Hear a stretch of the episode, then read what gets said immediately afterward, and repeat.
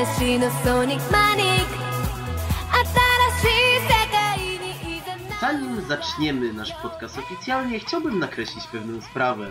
Otóż e, będzie leciało nagranie z playbacku. Dlaczego z playbacku? Najpierw strollował mnie mój mikrofon i przez 13 minut nagrywałem bez dźwięku, a później Tomka strollowało Audacity i skraszowało się. W związku z czym e, pierwszego newsa usłyszycie później, chociaż był nagrany wcześniej, bo będzie leciał z playbacku. Tak, a teraz oficjalnie. Witam wszystkich serdecznie po raz ósmy w podcaście Animlogia. Dziś będzie ze mną Lesiu w nowej jakości, z nowym mikrofonem. Lesiu, powiedz coś. Witam. Oraz będzie ze mną Tomasz ze starym mikrofonem Lesia, przez co słychać go jeszcze lepiej niż w realu. Witam. Dobrze, jako że em, pierwszy news poleci z playbacku, przejdziemy od razu do drugiego newsa, którego, który posiadam ja. Otóż, gdyby ktoś gustował w likierze i gustował też w anim, a jak wiemy, wszyscy, którzy gustują w anim, lubią Tytanów i lubią Madokę, to mógłby sobie za zamówić alkohol razem z Tytanami lub Madoką. O co chodzi? Otóż pewna firma e, Lawson wydała e, likier otagowany e, Maho Shoujo Madoka Magika albo e, Attack on Titan. Jak się chce. My mamy zamiar zamówić oczywiście ten z Madoki. E, tutaj z, te, z tego co e, piszą, likier ten, e, znaczy likier e, z Attack on Titan będzie miał 14 lub 20%, ponieważ będzie w dwóch wersjach. Jeden będzie z e, Erenem, drugi będzie z Levin, tak? Z Erwinem. tym- Tak, z Erwinem, przepraszam. Przepraszam. Tak, z Erwinem drugi będzie z Lewin. Z kolei, co nas bardziej interesuje, będzie również likier z Madoką. Będzie kosztował razem z podatkiem 3000 jenów, czyli około 25 dolarów.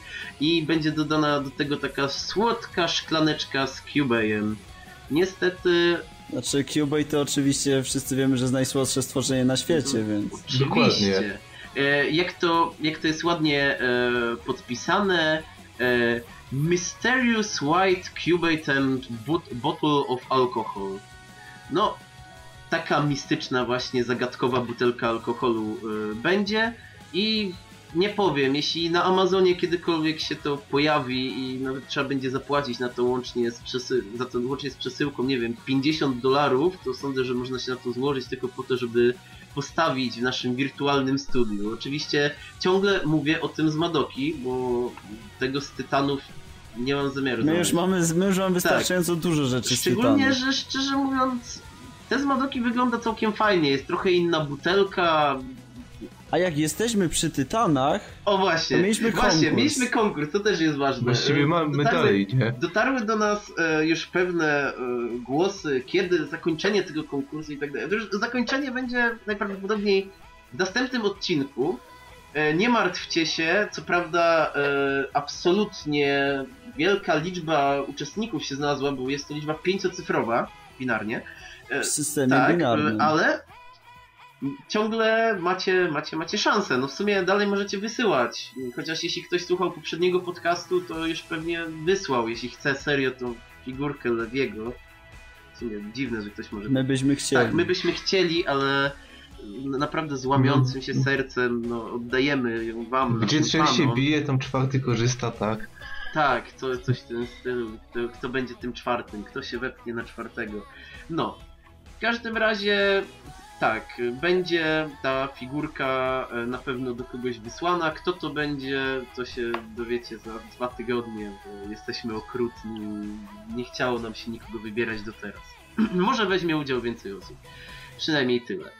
A wracając do tego alkoholu, to właśnie. mm, No mówię, no ta, ta butelka z tytanami taka, taka wydaje się średnia, no wygląda jakby stroną okleić zwykłą butelkę czegokolwiek stroną z mangi i sprzedać to za 31,60 w dolarach, no, Bardzo ładna szklanka. no tak.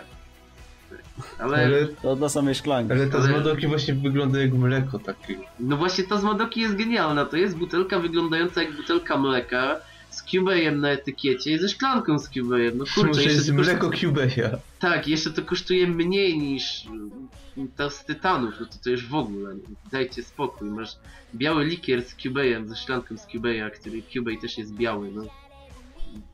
No, kurczę, no tylko bierzcie moje pieniądze, tak? Dobrze, no to, to tyle w, kwe- w tej kwestii. Oczywiście jesteśmy alkoholikami, namawiamy ludzi do picia, do kupowania alkoholu. Ale tylko alkoholu związanego z Tak, anime. oczywiście. No to Bo tak samo jak zły. bardzo znamy się na modzie, też modzie z Madoki. W ogóle No Madoka właśnie. jest bardzo hypowanym tym. No Jest tak. takim, No bo, bo odpowiada za Genu Robuchi, tak, tak? ale w sensie wypuszczają linię ciuchów, wypuszczają No. teraz alkohol. Wiem, że jeszcze wypuścili te, te, te właśnie e, gemy różne i Mhm. tak dalej, jakieś wisiorki. No, całkiem No to sporo możemy, jest. To możemy zamówić od razu cały zestaw, prawda? Ten likier i ciuchy. Ja już powiedziałem, że jeżeli jakbyś będziecie kiedyś coś zamawiać, to ja z tej Madoki muszę dostać y, ten przepiękny Soul Gem Homury z Rebelionu. A możesz sprecyzować, jak on wygląda? No to jest ten, który w, w środku wygląda jakby w ogóle cukierki w nim były, bo nie, bo nie jest jednokolorowy, tylko ma takie wszystkie kolory w środku. No to To jest wyjaśnione fabularnie, czemu on tak to- to- wygląda, to ale je- to jest kinówka jest- jest jakiś taki, one kosztują. No wiem, że jest, bo mówiliśmy Tak. o nim przy rozmawianiu o ciuchach. Tak, właśnie widzę, że no to kosztuje mówię, że właśnie 54 dolary średnio taki gem kosztuje. czy on jest zrobiony. No tak, jeszcze. ale. papieru. No, z papieru, tak dostaniesz takie. Wytną ci z tektury. Będzie fajnie. Ale e, dobra, no to off-top off-topem, a my lecimy z newsami dalej, a kolejnego newsa będzie miał Lesiu. I Wow. tak, i Lesiu nam opowie o Pioneerko-san F. No na pewno wam wiele opowiem, zważywszy, że o produkcji wiemy jedynie to, że się pojawi, że będzie miała w tytule F, no i że wychodzi.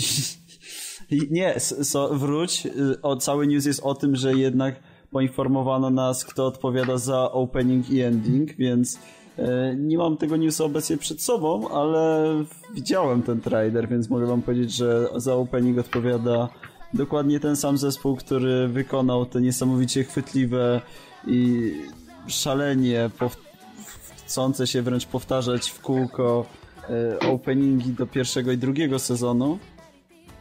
No, a ending to tam był chyba jakiś randomowy zespół. Nie mam naprawdę pojęcia.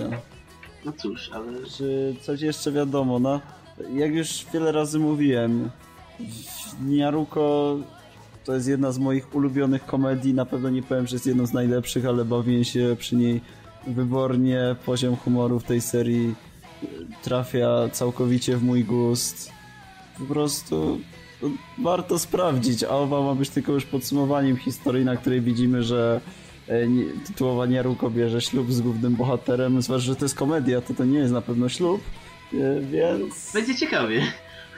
będzie ciekawie, ale to mówię. No, Same Hatriyaku Niarko-san W, albo wersję bez tej literki, warto po prostu sprawdzić. Bo to bardzo dobra komedia. O. No to tyle jeśli chodzi o Niarko-san, tak polecamy. A kolejny news, najważniejszy news i ostatni z tych poważnych newsów. Jeszcze O- cieplutki. Po Jeszcze cieplutki, bo jest to news, uwaga, uwaga, z dzisiaj. A nam o nim Tomasz. Jeszcze, jeszcze pół godziny temu, czy 40 minut temu nie wiedzieliśmy, że jest to najważniejszy news ze wszystkich, ale Tomasz nas uświadomił, że jest. To jest po prostu wiadomość, na którą czekałem od dawna. Bo Odkąd to- się urodziłeś? To Tak, wiadomość twojego jeszcze, życia. Jeszcze dłużej, jeszcze dłużej, bo manga Kangoku Gakuen, czyli Prison School, dostaje anime. O tym już było wiadomo od jakiegoś czasu, ale teraz podane zostało, że to anime będzie w tym roku, dokładnie w sezonie letnim. I to jest coś, na co wszyscy powinni czekać, bo to jest świetna komedia. Jeżeli nie, nie wiesz, co to za manga, prawdopodobnie nie wiesz, co to za manga, to możesz zobaczyć. Jest ona... Hmm, dość Polecam specyficzna. pisanie tytułu w Google'a. Pierwsze rzeczy, które zauważyłem w Google Grafika, to koleś schylający się nad cyckiem y, z takim podpisem to jej, to jej sutek. A Ale kolejna, kolejna jest- rzecz to jakiś gość, który leży i ma zakrwawiony tyłek i wystaje mu z niego gałąź? No. Gałąź. Tak. Tomku, za, zaskocz nas, dlaczego mamy czekać na tę serię. To jest niesamowita komedia, którą jeżeli cenzura jej nie zniszczy, będzie naprawdę wartą uwagi komedią ecchi. Ale nie taką typową komedią ecchi, taką właśnie nietypową komedią ecchi z ciągłą fabułą, z nawiązaniami do polityki, ekonomii, historii, A ja przeglądam te dramatów screeny. klasycznych, wszystkiego. Mam pytanie, ale to na pewno nie jest pornos? Na pewno. Prawie na pewno. Znaczy, znaczy, bo, znaczy wiem, że pewnie wszyscy są smutni, że tego nie zobaczą, ale chodzi mi tylko Tomku o tą rzecz, którą znalazłem. Jeśli wpiszecie to w Google grafika, będziecie wiedzieć o co chodzi. Nie, nie, nie jest, nie jest. A, dobra. Na pewno. Dlatego taki, no, To jest ecchi. Mocne ecchi. Dobre ecchi. aha, dobrze. Znaczy, to, to jest najważniejszy news. Po prostu Znaczy- Tomasz nam wysłał kawałek tylko tej mangi. Świetna. Ale jak to jest ecchi, to czy jest warte oglądanie, tak to? Jest, na pewno. No i czy tego nie ocenzurują tak dziwnie? No właśnie tego się boję, ale miejmy nadzieję, że nie, że będzie, że będzie widać cokolwiek na ekranie.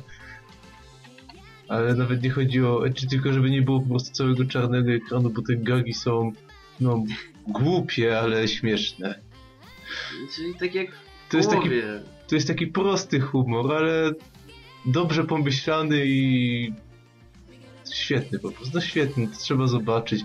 W momencie, kiedy mamy nawiązania do filmów Taxi Driver, do historii, mówię, do główny bohater rozmyślając o czymś, porównuje to do wyborów prezydenckich albo inne rzeczy w, w komedii czy do gry na giełdzie.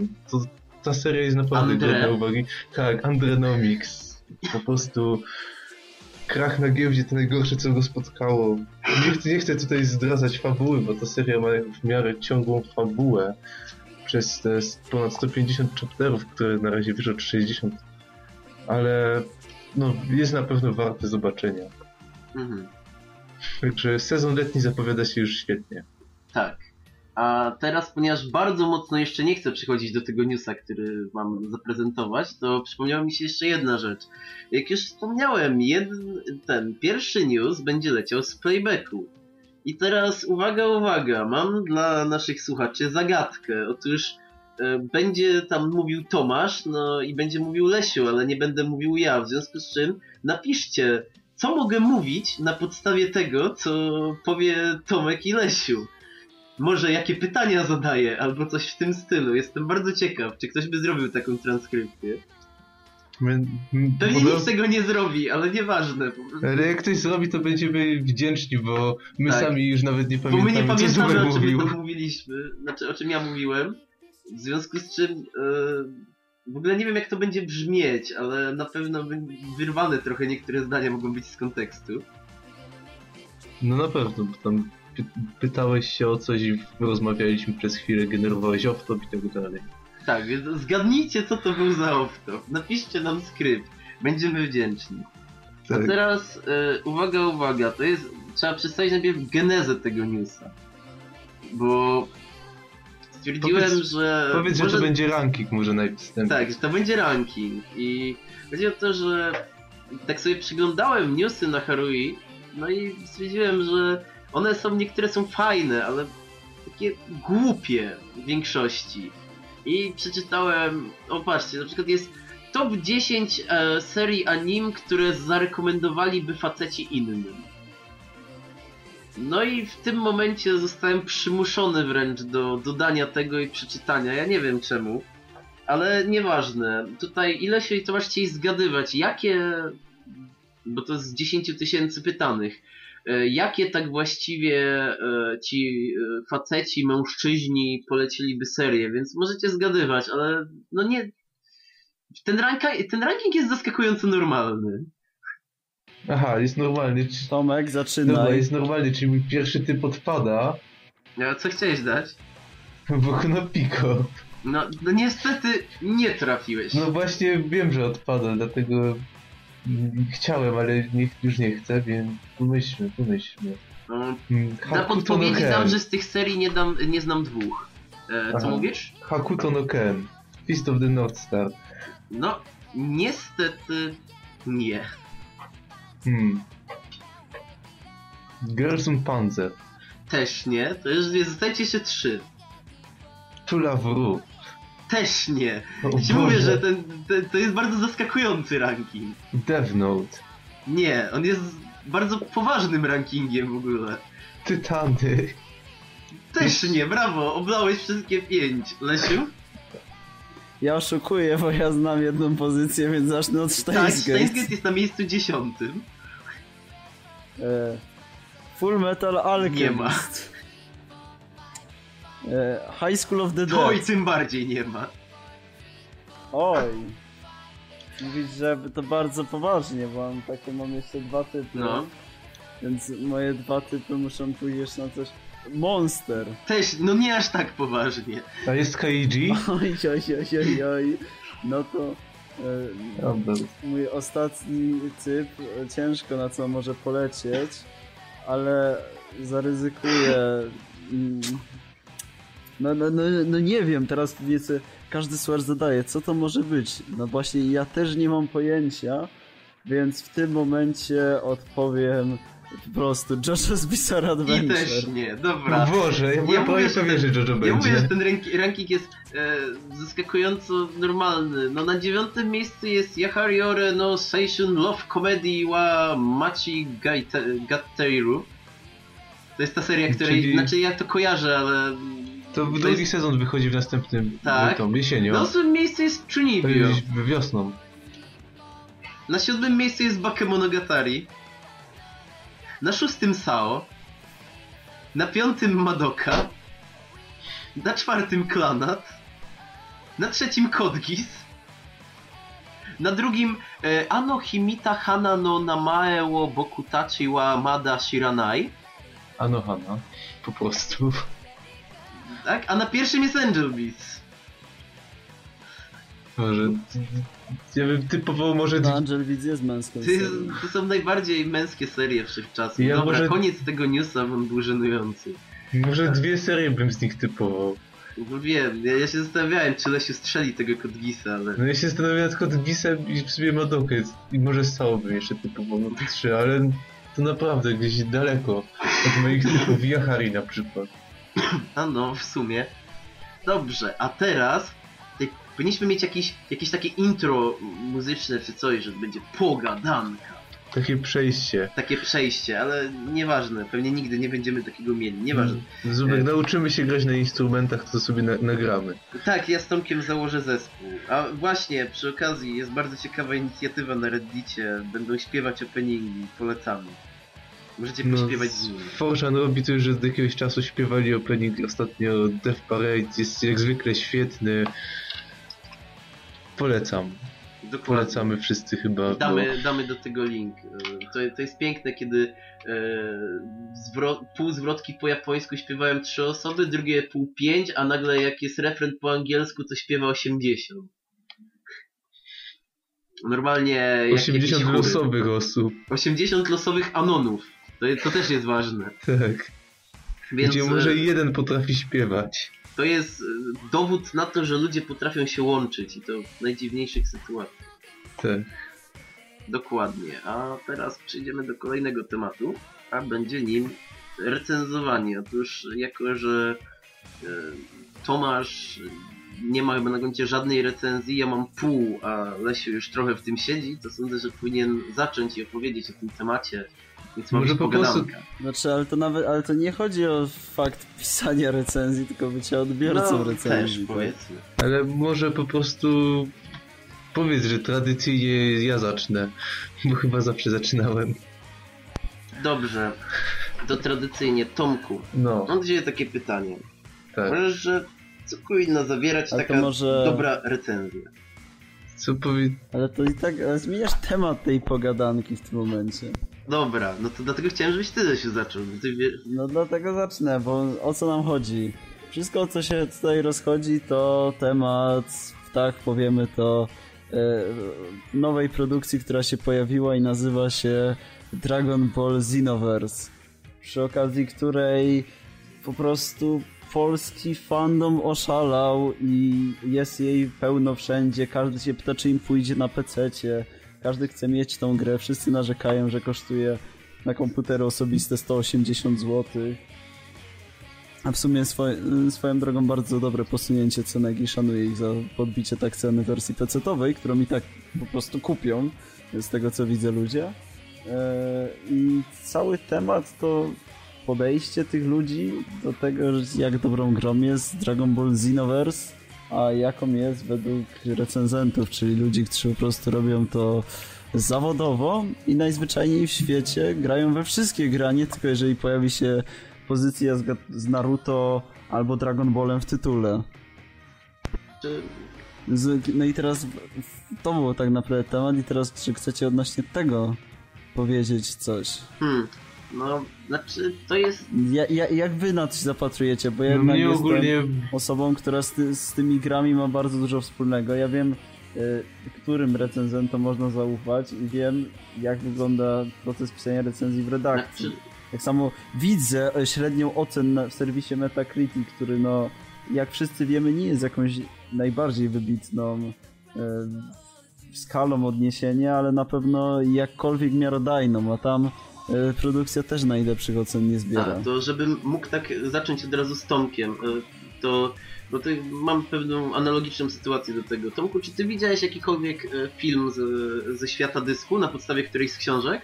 no, widziałem parę razy kolor magii, to był. No i, i teraz, i teraz e, bo to działa na tej samej zasadzie, bo jest film Kolor Magii i jak czytałeś te książki, to naprawdę fajnie jest ci to og- oglądać, że ktoś faktycznie zrobił coś, co tam było, albo faktycznie jest powiedziana jakaś kwestia i to wygląda fajnie i naprawdę się przyjemnie ten film ogląda, jest mega, ale nie wyobrażam sobie posadzenia kogoś, kto tego, tej książki nie widział, bo jest na zasadzie, albo tylko wiesz, czytał, ale się tym nie jarał jakoś, bo to jest na zasadzie, że no raz, że tego filmu do końca nie zrozumie, a dwa, że on nie był jakoś ambitnie zrobiony, to był jakiś taki Taki w sumie niskobudżetowy dość. niskobudżetowy film klasy B, on był taki zrobiony dla fanów, żeby oni się jarali, ale nie pod nikogo innego, bo to był po prostu średnio zrobiony film, no, on miał Ale- kiepską pracę kamery, no aktorów też nie miał zbyt górnolotnych. Efekty specjalne. Efekty specjalne to w ogóle pomińmy, to katastrofa, ale fajnie się go oglądało, bo to był świat dysku na ekranie. Jej! Po prostu jak widziałeś, ja, ja, ja byłem przy tym, że ja, ja oglądałem ten film, jak jechałem gdzieś autobusem, ja, ja oglądałem ten film i wszyscy ludzie wokół mnie nie wiedzieli po prostu o co chodzi. To było takie zaże... Znaczy nie wiedziałem, czy mam być zażenowany tym, że tylko ten, mnie ten, ta produkcja bawi, ale wiedziałem, że ona jest słaba, to po prostu do mnie docierała. No i to jest ta sama zasada, że ci wszyscy, którzy są podjarani tym Dragon Ballem, no to nie, nie widzą tego, że to jest gra, oni widzą, że o, nowe uniwersum, zupełnie. Będą postacie wymieszane i to jest Dragon Ball i świat Dragon Balla i tak dalej. No i ja to rozumiem, tylko że to jest ocena pod względem bycia fanem, pod względem bycia tym, który e, jara się czymś od 10 lat i nagle mu wychodzi gra, która coś, coś tam zmienia i daje mu No ingerować w właśnie, a historię. nie oso... No i to w tym momencie co mówisz, to fana, Znaczy- a nie osoby, która ma ocenić produkt i stwierdzić ogól... ogólnie wszystkim, którzy poczytują serwis, a nie tylko No. fanom, czy jest to warte zakupu, bez względu na to, czy jesteś fanem, czy nie. Wtedy dostajesz ewidentnie, jeżeli osoba podchodzi do jej recenzji tam powiedzmy rzeczowo, to ewidentnie masz napisane w recenzji, że na przykład w tym momencie dla fanów to będzie coś Tak. na plus, ale ocena końcowa musi być oceną dla wszystkich, a nie No dla ja. Szczególnie, że w tych recenzjach często też dodają takie rzeczy, że na końcu, że na przykład dla fanów tam fajnie, ale No. dla reszty to nie. No, No prawie tak, zawsze no jak jak ja, bym, widzę. no jak ja bym miał robić to, to ze świata dysku, to ja też bym napisał, że ten film jest generalnie 5-6 na 10 i nie dość, że nikt go nie zrozumie, to jest jeszcze słabo zrobiony, więc nie polecam. No ale jak jesteś fanem i chcesz się jarać tym, że ah, twoja ulubiona książka jest na ekranie, proszę bardzo, będziesz się bawił świetnie i to będzie dla ciebie seans na 8. Szczególnie, że świat dysku to jest coś, co nie każdemu przypadnie do gustu. No prawda? tak, i tu jest tak samo, no, jesteś, jesteś kimś, kto po prostu, bo to, no to jest gra, ona wyszła gra oczywiście na podstawie Dragon Balla i tak dalej, ale ona ma docierać do każdego, nie każdy jest fanboyem Dragon Balla, niektórzy, nie każdy w ogóle zna fabułę Dragon Balla, no bo co, no są tacy fanboye, No i to jest też ewenement, bo ja teraz wiecie, mówię cały czas na podstawie tego, co ja już usłyszałem, że ktoś na przykład da niższą ocenę, dlatego że nie zna na pamięć fabuły Dragon Balla i nie zna niuansów między postaciami. A to, że oglądał kiedyś tą serię w podstawówce czy w szkole średniej, to nie, w ogóle nie pozwala mu się o niej No wypowiadać. właśnie i to jest ten problem, bo to tak jakby ludzie, ludzie, którzy tak uważają, chyba nie rozumieją, do kogo ma być kierowana ta gra. Ta gra ma być kierowana ogólnie do. Czy nie wiedzą, że graczy. gra ma się No, sprzedać? najpierw, najpierw ma być grywalna, a później ma być kierowana do kogoś, kto kojarzy jakoś tego Dragon Balla, ma sentyment. To nie ma być kierowane tylko do zatwardziałych najbardziej fanów, tylko to ma być kierowane do tego ogółu społeczeństwa, no bo 90%, 90% ludzi, którzy znają Dragon Balla i którzy się jarali Dragon Ballem i tak dalej, to prawie nic z tego nie pamięta, bo to oglądało 10 lat temu za dzieciaka czy coś w tym stylu, ale teraz kupi tą grę, no bo kurczę, no zawsze się jarałem Dragon Ballem, przypomną mi się czasy podstawówki, w ogóle zawsze ze znajomymi, z kumplami się bawiliśmy na podwórku i teraz możemy sobie pograć w MMO Dragon Balla, jest tak fajnie i w ogóle, no ale mimo wszystko, no, to tak nie działa. No poza tym w momencie, kiedy te, bo recenzujesz, że gra jest po prostu, gra może być średnia czy coś, ale dobra na tle innych gier z Dragon Balla to jest jednak różnica na tle innych gier tego typu.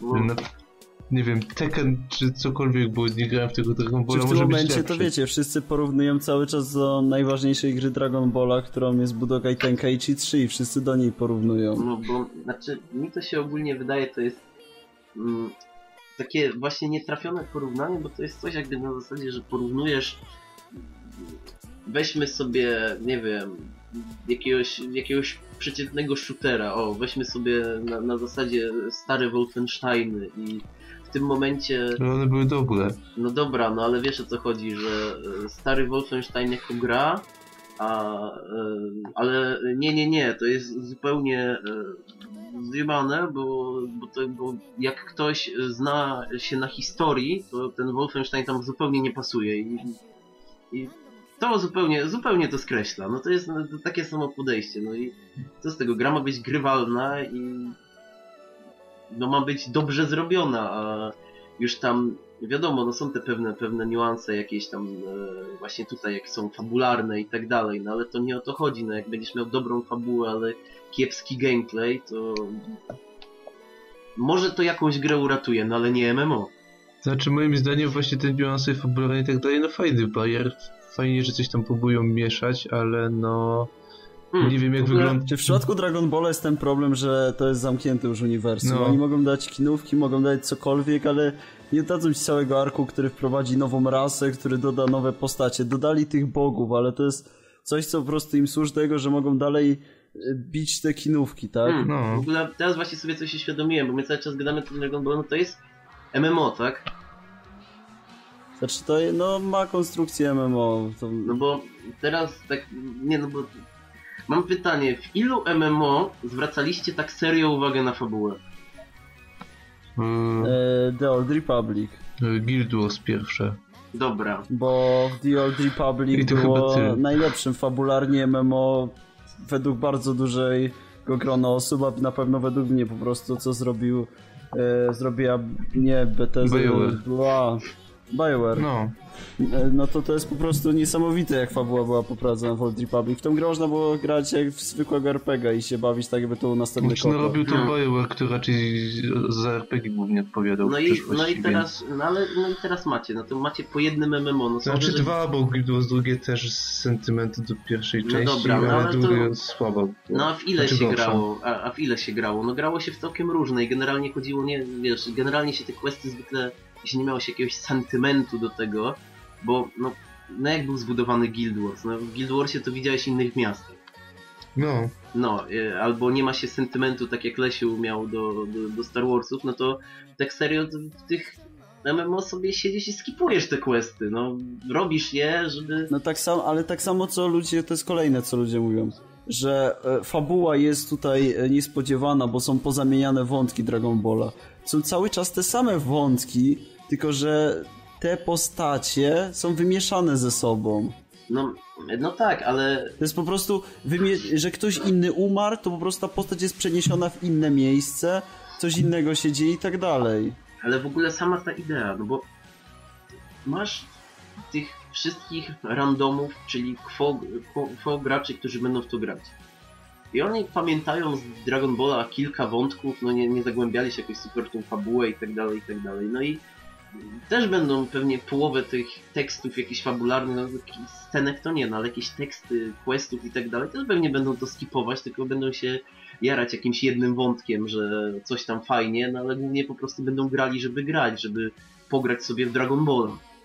No bo o to chodzi, a no, fabularnie, no wiadomo, że to kogoś zainteresuje, no ale liczba ludzi, których naprawdę interesuje tło fabularne w MMO, no to jest raczej mała. Ja rozumiem, jeśli ktoś jest już wczuty w to MMO i gra ileś lat i tak dalej, no to wtedy fajnie jest coś takiego sobie porozglądać, no i niektórych naprawdę fajnie jest rozeznać się fabularnie. Ja czytałem jakieś rzeczy, choćby i z WoWa, no, sobie czytałem, bo mi się podobała ta fabuła, ale samych questów w grze, no niezbyt. No i tutaj, więc czemu wszyscy, którzy mówią, że ta gra jest taka genialna i tak dalej, kładą taki nacisk na fabułę, kiedy mówię, no to jest fabuła w No bo gameplayem to to nie jest nic wyróżniającego się, to jest y, typowa gra z Dragon Balla, która ma podstawowe ataki, parę technik dla postaci i to jest to urozmaicenie, że możesz stworzyć własną postać. Tak naprawdę, no to jest pomieszanie wszystkiego i wykorzystanie uniwersum w jakiś tam może wcześniej nieużyty sposób, ale w żaden nie wyróżniający się na tle innych gier. W tym momencie, bo to jest, znaczy, no, wyróżniający się jest, bo nikt tego wcześniej nie wymyślił, tak? Bo nikt nie potrzebował aż tak wydoić marki, jak w tym momencie. Dlatego mówię. E, możemy w sumie już to tak powoli podsumowywać i przynajmniej ja to, co chcę powiedzieć. E, nie czepiajcie się recenzentów, dlatego że czegoś, co bardzo lubicie, nie docenili, tylko dlatego, że oni trybią dla szerszego grona. Jeżeli coś jest zamknięte, jeżeli coś jest dla zamkniętej ilości osób, które zrozumieją dzieło, cokolwiek, no to, to dla was to ma wartość. I nie, mo- nie możecie powiedzieć, że jakiś recenzent to zepsuł, bo jest to dla was, więc wy odbierać tak jak chcecie, a jak recenzent ma pokazać, jak wygląda to od strony ogółu, do której on pisze recenzję. To tak, Więc po prostu no mów, mów, mów. Nie jesteście No wyjątkowi. to, to jest tak samo jak z anim, no jak zanim zaczniecie coś tak mega hypować i tak dalej, ja zawsze tak robię. Zanim zacznę coś tak mega hypować, no wiadomo, lubię po, pomówić o tym, że to jest dobre i tak dalej, i tak dalej, ale zawsze też się zastanawiam nad jedną rzeczą. Jakbym miał posadzić teraz przed telewizorem osobę, która absolutnie nie siedzi w temacie, albo siedzi tylko minimalnie, i po prostu jej dać to do obejrzenia. I w tym momencie naprawdę mi się zwęża ta liczba serii, które są tak przystępnie zrobione. No ja mam I sobie podobnie. uświadamiam, ilu osobom może się coś nie podobać, bo o ile coś, co ja bardzo lubię, no to ten Space and Wolves, no to jest coś, co faktycznie mógłbym kogoś posadzić i dać to do obejrzenia. Czy FMA, no to też.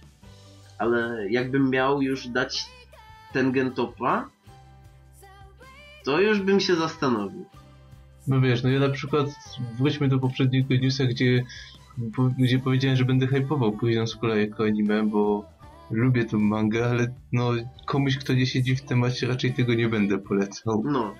I trzeba pamiętać o tym, że tak jak fani wszystkiego, fani Dragon Balla to jest pewna nisza, a, a coś, a to nie jest robione specjalnie dla nich, no to jest coś robione dla wszystkich, tylko że ma wypromować markę Dragon Balla, bo trzeba powiedzieć, że właśnie fani Dragon Balla, ludzie, którzy kojarzą Dragon Balla i mają w niego sentyment, to są dwie różne rzeczy, bo mówię, nie trzeba konkretnie siedzieć w anim, można to było widzieć 10 lat temu i stwierdzić, a Dragon Ball, kupuję i gram. I wtedy liczy się gameplay, a nie to, że postać, o której w ogóle istnieniu już zapomniałeś, y, zamiast umrzeć teraz, umrze za pół arku. Czytaj na appa. No, powiedz. Tak, bo Nappa to jest hit. Szczerze mówiąc, ja nawet nie za bardzo wiem o co chodzi, bo ja jestem osobą, która widziała Dragon Balla gdzieś z 13 lat temu i nie było to oglądanie No, jakichś... Zobacz, a ja jeszcze, ja na przykład bardzo dobrze się orientuję w uniwersum Dragon Balla, bo ja grałem mimo wszystko we praktycznie w każde gry, które wychodziła i tak zostałem uznany za osobę, która nie ma prawa się wypowiadać przez to, że nie zagrała w, tylko w tą jedną grę na podstawie tych materiałów, które dostarcza, pro, jakby na to nie patrzeć, producent. Mhm.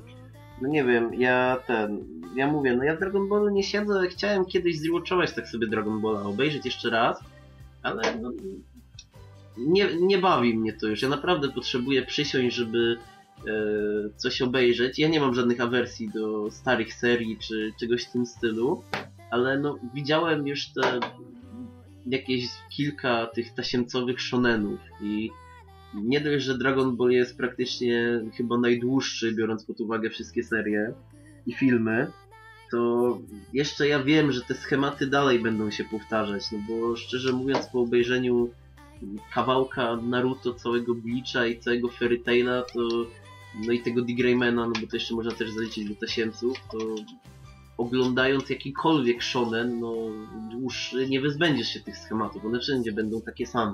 Chyba, że Jojo. No chyba, no ale tasie, tasiemiec dłuższy, mówię.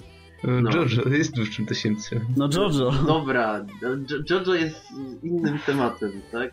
No tak, Bo Jojo wychodziło równo z Dragon Ballem, więc nie miało szans e, kopiować rzeczy z Dragon Balla, a wszystkie inne shoneny, które dzisiaj wychodzą, to są Dragon Balla, bo po prostu wyszły dwa shoneny, wyszedł Dragon Ball i wyszło Jojo i od Dragon Balla poszły wszystkie inne shoneny, a od Jojo poszły Pokémony i tak, tak i tak to się rozeszło.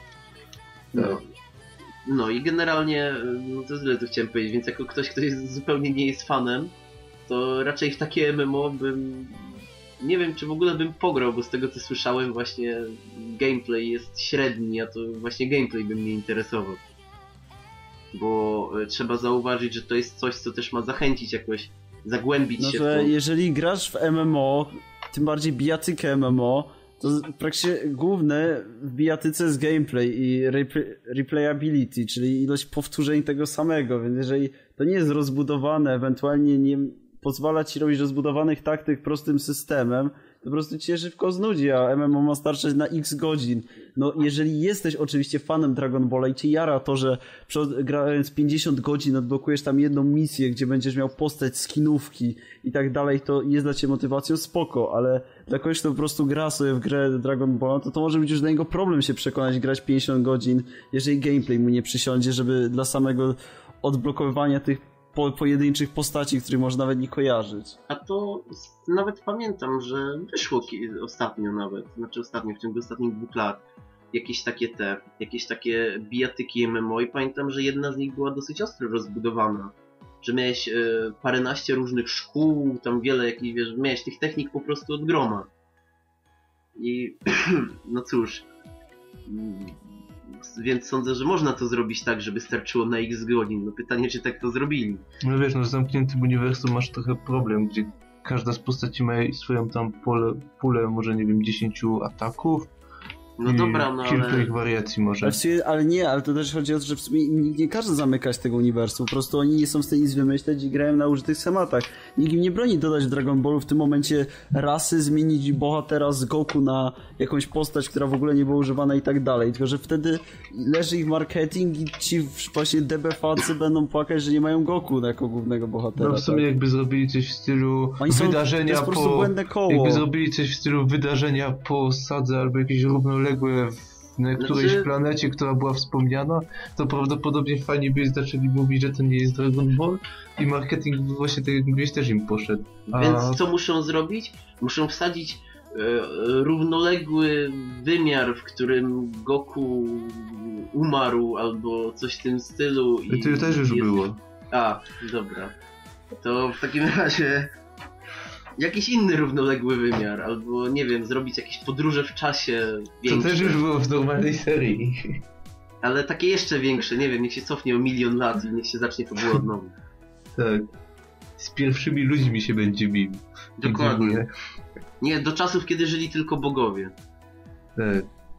I wtedy, I wtedy Goku zostanie bogiem bogów bogów i się okaże na sam koniec, że po prostu Goku cały czas nad wszystkim czuwał. Tak. Nad, nad tym drugim Goku też. Nad tym drugim Goku, który wygrywał, to Goku dał mu moc. Tak. Goku z przyszłości, który cofnął się do przeszłości, żeby móc dawać moc w przyszłości. Dokładnie. I wtedy, I wtedy cała historia by się zamknęła i by się okazało, że to tak naprawdę w ogóle Goku stworzył to, to wszystko. Tak. To jest A później powinien pomysł. się obudzić i się okazać, że jest, że jest zwyczajnym nastolatkiem. Tak. Do, do pewnego dnia, kiedy Tak, kiedy Bóg mu daje moc i wszystko zaczyna Tak. się od nowa. Nie, nie, nie, no to, to, już, to już za duże, za duże dywagacje. No to w temacie recenzji e, o co, o co najbardziej nam chodzi? O to, że kiedy chcesz o czymś mówić, pamiętaj o tym, że coś jest przeznaczone dla wszystkich, a nie tylko dla największych DB fagów czy w ogóle fanów.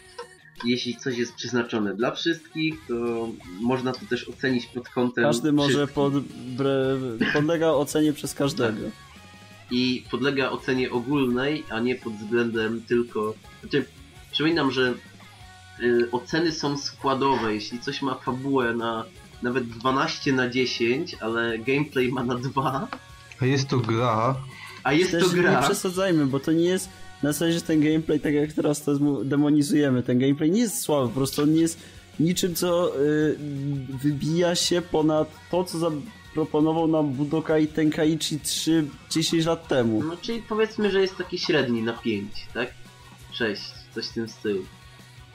No a jak dasz O. fabule 10, a gameplayowi 6, a to ciągle jest gra, czyli gameplay liczy się w sumie bardziej, to dalej coś jest nie tak. No to dalej, A to dalej ci wychodzi może 7 na 10. Ale to, Czyli taką ocenę, jaką ma średnią Dragon Ball, a nie i, i na taką prawdopodobnie zasługuje. no Czyli cóż, dalej to, to jest gra w miarę dobra, ale nie jakaś mega świetna z... i tak dalej. Ale nie taka jak w oczach tych wszystkich ludzi, o których rozmawialiśmy. Tak. wiesz, no po prostu trzeba, trzeba robić na czymś pieniądze, tak? Dobrze, o recenzjach to tyle. Pamiętajcie, recenzujcie z głową, inni ludzie też mają opinie i tak dalej, i tak dalej. I jak komuś coś tłumaczycie, to najważniejsza rzecz, nie bądź po prostu gnojkiem, nie, nie mów do kogoś tak, jakbyś po prostu uważał go za dziecko we mgle, a siebie za jedynego mądrego, bo to wszystkich denerwuje i wtedy stajesz się tylko jeszcze większym bucem. Ale to tak, taka dygresja ma ode mnie, bo ostatnio trafiam często do takich ludzi. No nieważne. Em, Teraz em, już, żeby nie było, że teraz Lesiu zaczął i coś się zmieni, to znowu zacznie Tomek, bo No będziemy właśnie. mówić o seriach, które ostatnio obejrzeliśmy. Pójdźmy chronologicznie od najstarszej. Chronologicznie od najsta- ona jest najstarsza. Z którego, z którego roku jest seria? szóstego chyba. No, szóstego. Dobrze, to jest najstarsza. Dlatego No, zaczynasz. Tak. w ogóle myślałem, że recenzje odnoszą się właśnie do naszych pogadanych o seriach, dlatego chciałem być pierwszy, a jak zawsze, a tu nie. A widzisz. Znaczy w sumie nie chciałem, ale nieważne. W sumie nie chciałeś, ale wiedziałeś, że cię Ale będzie. Znaczy, nie chciałem, ale chciałem, bo żeby tradycji stało się zadość, tak? Dobrze. To, No to powiedz nam o tej Ja, historii. ost- ja ostatnio obejrzałem kolejną serię z Arek Challenge, którą tam się miałem zabrać już od lat, bo widziałem ją po raz pierwszy, a jest to Welcome to the NHK.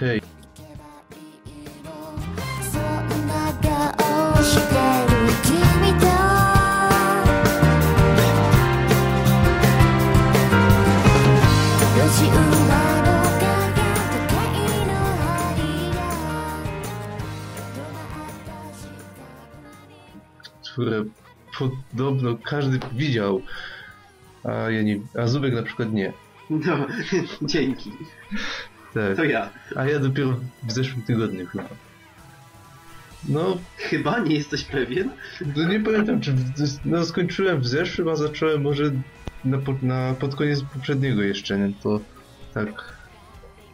No. Każdym, Ej, czy ty właśnie powiedziałeś, zacząłem w zeszłym, a skończyłem pod koniec poprzedniego? no poprzedniego jeszcze wcześniejszego niż ten, co był ostatnio, tak? Dwa tygodnie temu. Na tej Ale o, to czekaj, to zacząłeś to oglądać w zeszłym tygodniu, a skończyłeś dwa Skończyłem, tygodnie temu. skończyłem. Nieważne. Dobra. To Tak. kiedyś będzie pytanie do wiedzówki. Ile czasu co masz skończył NHK? Minus tydzień. Tak. Ach, dobrze, no to może opowiem o tej serii. No to jeżeli ktoś nie kojarzy Welcome to the NHK czy NHK ni Yokoso, no to prawdopodobnie nie, nie siedzi w temacie jakoś wybitnie długo, bo jest to dość popularna seria. Chyba, że jest mną. Znaczy, no kojarzysz przynajmniej, prawda? Co No to tak. jest? No właśnie. To jest dość popularna seria, która wyszła w 2006 roku i jest jedną z lepiej ocenianych ogólnie. No, średnia na malu to 8,4, jest w rankingu 133, więc całkiem nieźle. No, anime opowiada o Tatsuhiro Sato, który jest 22-letnim hikikomori, czyli od kilku lat nie wychodzi praktycznie z domu, jest całkowicie aspołeczny i do tego jeszcze powiedzmy ma bzika na punkcie teorii spiskowych oraz objawy jakichś chorób psychicznych, czasami rozmawia Ale czy główny bohater nosi na głowie e, z, kapelusz ze srebrnej folii? Żeby nie odczytali jego myśli.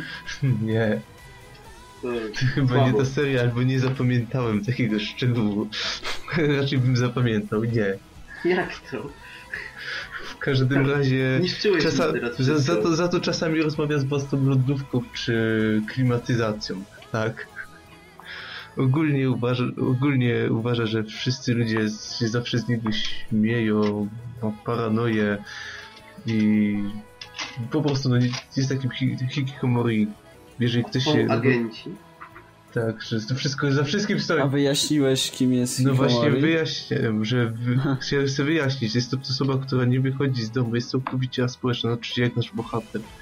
To jest taki, prawdopodobnie to jest dość popularne w Japonii, bo skoro robią o tym anime, to jednak problem musi być dość poważny. Takie jak e, pro, problem homoseksualizmu wśród dziewczyn. tak.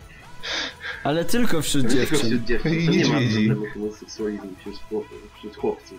tak, tam to nie jest problem, nie? Nie, to tylko wśród dziewczyn. Tylko wśród dziewczyn się Widzicie występuje. jaki piękny kraj? Tak. Z ujemnym przyrostem naturalnym. E, Nie w no. każdym... No, no właśnie to przez ten e, homoseksualizm wśród dziewczyn mają ujemny przyrost naturalny. Wszystko się wyjaśnia. No widzisz? Ej, ale to... I wtedy zostaną tylko one i niedźwiedzie. Tak, Wniosek? Skądś się muszą brać nowe. Wniosek Tak. nasuwa się sam. tak twórcy Yuri A to- Kumy A to, to tak naprawdę podróżnicy w czasie, tak. którzy opowiadają losy świata z przyszłości. Nie, ale teraz jakby tak pomyśleć, to z Japonii biorą się wszystkie dziwne e, tagi na e, stronach porno, więc skąd wiesz, czy to się nie skończy tak, że zostaną tam tylko niedźwiedzie i japonki, a rozmnażać się jakoś trzeba. To teraz polecam polski film Sex Misję i w ogóle. Dobrze, możemy to polecić Tak. i zakończyć ten temat, bo w sumie... Tak, bo znowu off-top. Dobra, jest No, Hikomori. tak. Tak. I ma problemy psychiczne, takie. Zaczyna rozmawiać właśnie z, e, ze sprzętem AGD i RTV. I Trochę jak główny bohater sali samobójców. No nie, bo on jest akurat fajny. A, dobra. I to można się z nim utożsamiać i jest. Nie jest Dominikiem. Nie. I tak, to, co, o czym ja w sobie powiedziałem. Jest Hikikomori, jest, ma na imię Sato i To mieszka. Tak, Padło już układam, układam sobie po prostu w głowie, co już powiedziałem. Przez ten off bo Juriku mnie się pomówiłem. No i wierzę ślepo, w, no, wierzę w teorie spiskowe, bo skoro 99% teorii spiskowych to fałsz, to znaczy, że 1% to prawda. O I on nie. właśnie jest ofiarą takich teorii spiskowych i zła organizacja właśnie kontroluje jego życie i przez to mu się nie udaje, przez to wszyscy się z niego śmieją, chociaż to nieprawda, bo tylko mu się wydaje, że się z niego śmieją, bo ma paranoję. Nieważne. I przez, no i właśnie wierzę, że ta organizacja to tytułowe NHK, czyli Nihon Hikikomori Kyodai Kyokai. Nie pamiętam dokładnie własnego tu- tytułowe NHK. I to odpowiada za jego życie, że przez to jest hikikomori i oni go do tego w sprytny sposób zmusili, manipulując społeczeństwem i wszystkich dookoła. No i cała fabuła serii polega na tym, że on jest tym hikikomori i hmm, główna bohaterka hmm, Misaki próbuje go wyciągnąć z tej przypadłości.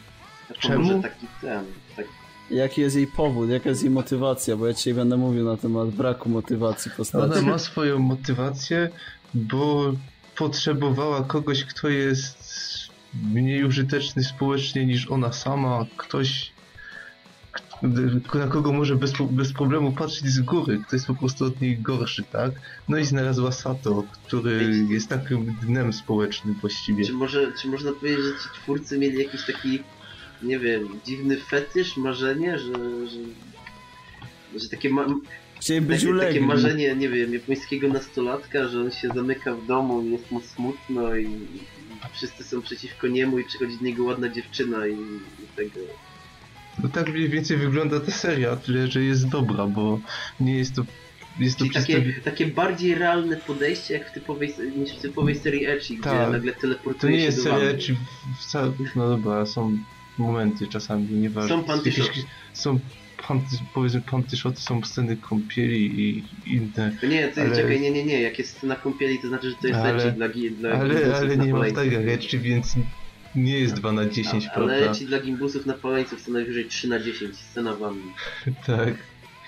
Bo Wiesz, że każda scena w wannie po prostu musi Obniża oceny o 2. uzupełniać braki fabularne. tak. Co z tego, że w międzyczasie jakaś postać coś rozmy- nad czymś rozmyśla, bo to jest w sumie na- normalne, że się myśli No to wtedy uzupełnia braki wizualne, to znaczy, że Tak. nie mieli pieniędzy na na, na animację, dlatego zrobili animację wanny i w ogóle wszystkiego. Dokładnie. I musieli rysować kolejne pomieszczenie na przykład. Tak. W każdym, no, se, tak. Co ta fabuła polega właśnie na tym, że Misaki próbuje wyciągnąć z tej przypadłości? I jest to na tyle realistycznie poprowadzone, że to nie jest tak, że oni ciągle robią jakiś krok do przodu w tym powrocie Sato do społeczeństwa, tylko czasami jest progres, czasami regres, czasami już wydaje się, że on tak naprawdę jest dobrze, czy idzie na przykład sam do sklepu, cokolwiek, czy wychodzą na jakiś festiwal, po czym na następny dzień on nie wychodzi, on się zamyka i później przez tydzień nie wychodzi na przykład. Wyszedł do sklepu kupić nową klawiaturę? Tak, wszedł do sklepu kupić, no, Czyli ta seria ma fabułę i nie jest pseudo wy, wyidealizowana jak taka jedna, o której będę Znaczy, cię no, jest, są rzeczy, które są lekko właśnie może wideryzowane, ale jest to naprawdę dość realistycznie poprowadzone, nie jest jakoś strasznie Zresztą naciągane. bardzo Lesiu, ale twoja seria jest e, o symbolach Porozmawiamy o niej nie o No właśnie, nie off topy, bo się znowu pogubię. Yuri Kuma. Yuri Kuma. No, dwie postacie to byłoby mało, więc dochodzi kilka innych, jak znajomi Sato z czasu, kiedy jeszcze nie był Hikomori, czyli ze szkoły średniej. Dochodzi Yamazaki, któremu głos podkłada ten sam aktor, y, który podkładał też Shinpachiemu w Gintamy, więc każda kwestia, którą mówi Yamazaki, kojarzyło mi się od razu z Shinpachim, przez to, przez to i przez podobieństwo tych postaci właściwie no naprawdę bardzo polubiłem tą postać. I dochodzi jeszcze Senpai, no. Starsza koleżanka Sato z, też ze szkoły średniej, któ- którą razem był w klubie literackim, a sprowadzało się zajęcia w klubie do gry w karty i rozmowach o teoriach spiskowych. Ale czy w jakimkolwiek anime, w którym był klub literacki, oni czyta, oni mieli coś wspólnego z literaturą? W Inu Battle? Tam no, chyba- Finu W Battle Inu. Battle mieli i to, to chyba jedyne. Widać, Inu, Trigger łamie te y, Trigger- konwencje. Tr- Trigger łamie konwencję, robiąc coś normalnie. Tak. Dobrze, wracając do NHK, no fabuła jest ciągła, pojawiają się te nowe postacie, one też mają swoje jakieś tam problemy, które są dość realistyczne. I te, te postacie, pojaw... postacie poboczne też są lekko rozwinięte. Nie jest ich co prawda za dużo, może jest tak naprawdę 5-6, ale przez to, że tam Sato poznaje też ich historię, trochę sam sobie przemyślę w swoim życiu. On nie jest też takim Dominikiem z serii Samobójców, który jest tylko emo i jest smutny. On też sam próbuje się zmotywować. O. Yy, W ogóle zapamiętałeś imię bohatera z sali No samochodu. każdy wie, że Dominik był w sali samobójców. Ale ja- ja padło, przypadło wy- 5 minut temu przecież. Aha, No no nie wiem, ja, ja nawet oglądając e, recenzję tego filmu po prostu nie wytrwałem jej i starałem się wypchnąć go z pamięci, więc... No Ja zapamiętałem Jakbyś był w kinie, byś zapamiętał. To imię wypada tak wiele razy, że po prostu pamiętasz. To jest jak, jak my nie pamiętamy imion w anime, to jak jest wystarczająco dużo razy powiedziane, to je zapamiętasz. Tak samo jak za, nie zapomnisz, że w Maholce był Tatsuya i Miyuki. No nie, sama. ale Oni sama. Znaczy w No. ogóle nie mówmy o zdań samobójców, bo to jest... No dobrze, to wy zaczęliście to porównanie. Ale, ale, ale to jest właśnie dobre Ale porównanie. to nie wiem, to porozmawiajmy nie o czymś ambitniejszym, nie wiem, o Mars Destruction na przykład. No może o NHK. Ale No, to też można. Tak, no... O, znowu się zgubiłem. Chwila. Dobra, nie jest jak Dominik też tam próbuje. no, on, opowiedz może nam o kresce jeszcze. on, on, Sato w ogóle okłamał na początku, kiedy Misaki chciała mu pomóc, on ją okłamał, że przecież on nie jest hikomori, przecież nie jest na społecznym, przecież on pracuje, ale że pracuje w domu, bo jest twórcą i na szybko wymyślił, że twórcą gier, visual novel, to y, przez to kłamstwo, które wyszło szybko na jaw, bo jak się bo fabularnie tam pokazane, dlaczego tak łatwo Misaki domyśliła się, że on kłamie, przecież jest świetnym kłamcą. E, to no, Sato zmuszony jest przez właściwie samego siebie, przez Yamazakiego, z którym, którego poprosił o pomoc w okłamywaniu Misaki do właśnie zostania tym twórcą. Stwierdził, że on zostanie nim, że będzie zarabiał te pieniądze jako twórca i coś robi. To też nie jest tak, jak właśnie wspomniany Dominik, że nic nie robił. Chyba, bo nie oglądałem filmu, widziałem tylko... Grał w gry. No dobrze, o, Sato też grał w gry i właśnie w N... A to widzisz. Naprawdę. To jest, to jest jedno i to welcome, samo. to welcome to NHK to jest po prostu japońska wariacja na salę samobójców, która powstała przed salą samobójców. Tak. Jest Czyli lepszy, na jest pewno. dużo Ja nie lepsza. widziałem tego, ale mogę stwierdzić, że jest lepszy. Ja też mogę stwierdzić, że NHK jest świetne po prostu. To jest, ma bardzo fajny, no to później powiem, o techni ze strony technicznej. W każdym razie jest, jest też wątek właśnie gra, w- Sato gra w gry i dowiaduje się, jest przedstawione granie w grę MMO, tak jak naprawdę to wygląda. To nie jest SAO, to jest bardziej jak Lockrite, gdzie masz przedstawione te mechaniki. Pokazane, że jak chcesz szybko wbijać level, to lepiej trzymać się z drużyną, a nie szarżować na wysokopoziomowe moby z, na niskim levelu bez ekwipunku. Jest pokazane, że w internecie ktoś może być kozakiem, a w rzeczywistości tak naprawdę nie. To te, O takie nie. wszystkie, ta seria jest real... Ale w Lock Horizon mimo wszystko to jest pokazane chyba najlepiej ze wszystkich serii. No tak, bo Rock Horizon się na tym skupia, ale NHK ma o tym trzy odcinki i pokazuje to bardzo dobrze. Lock Horizon się skupia na tym, że tak naprawdę prawie każdy z tych, którzy byli najlepszymi graczami na świecie, to po prostu ludzie, Jest ludzie którzy są po prostu nerdami i siedzieli w domu i nie mieli przyjaciół. i Czyli byli, w hiki, byli hikikomori, No. jak Sato, który Widzisz? nie jest... A może, a może Sato tam ten, może Sato też tam grał w coś.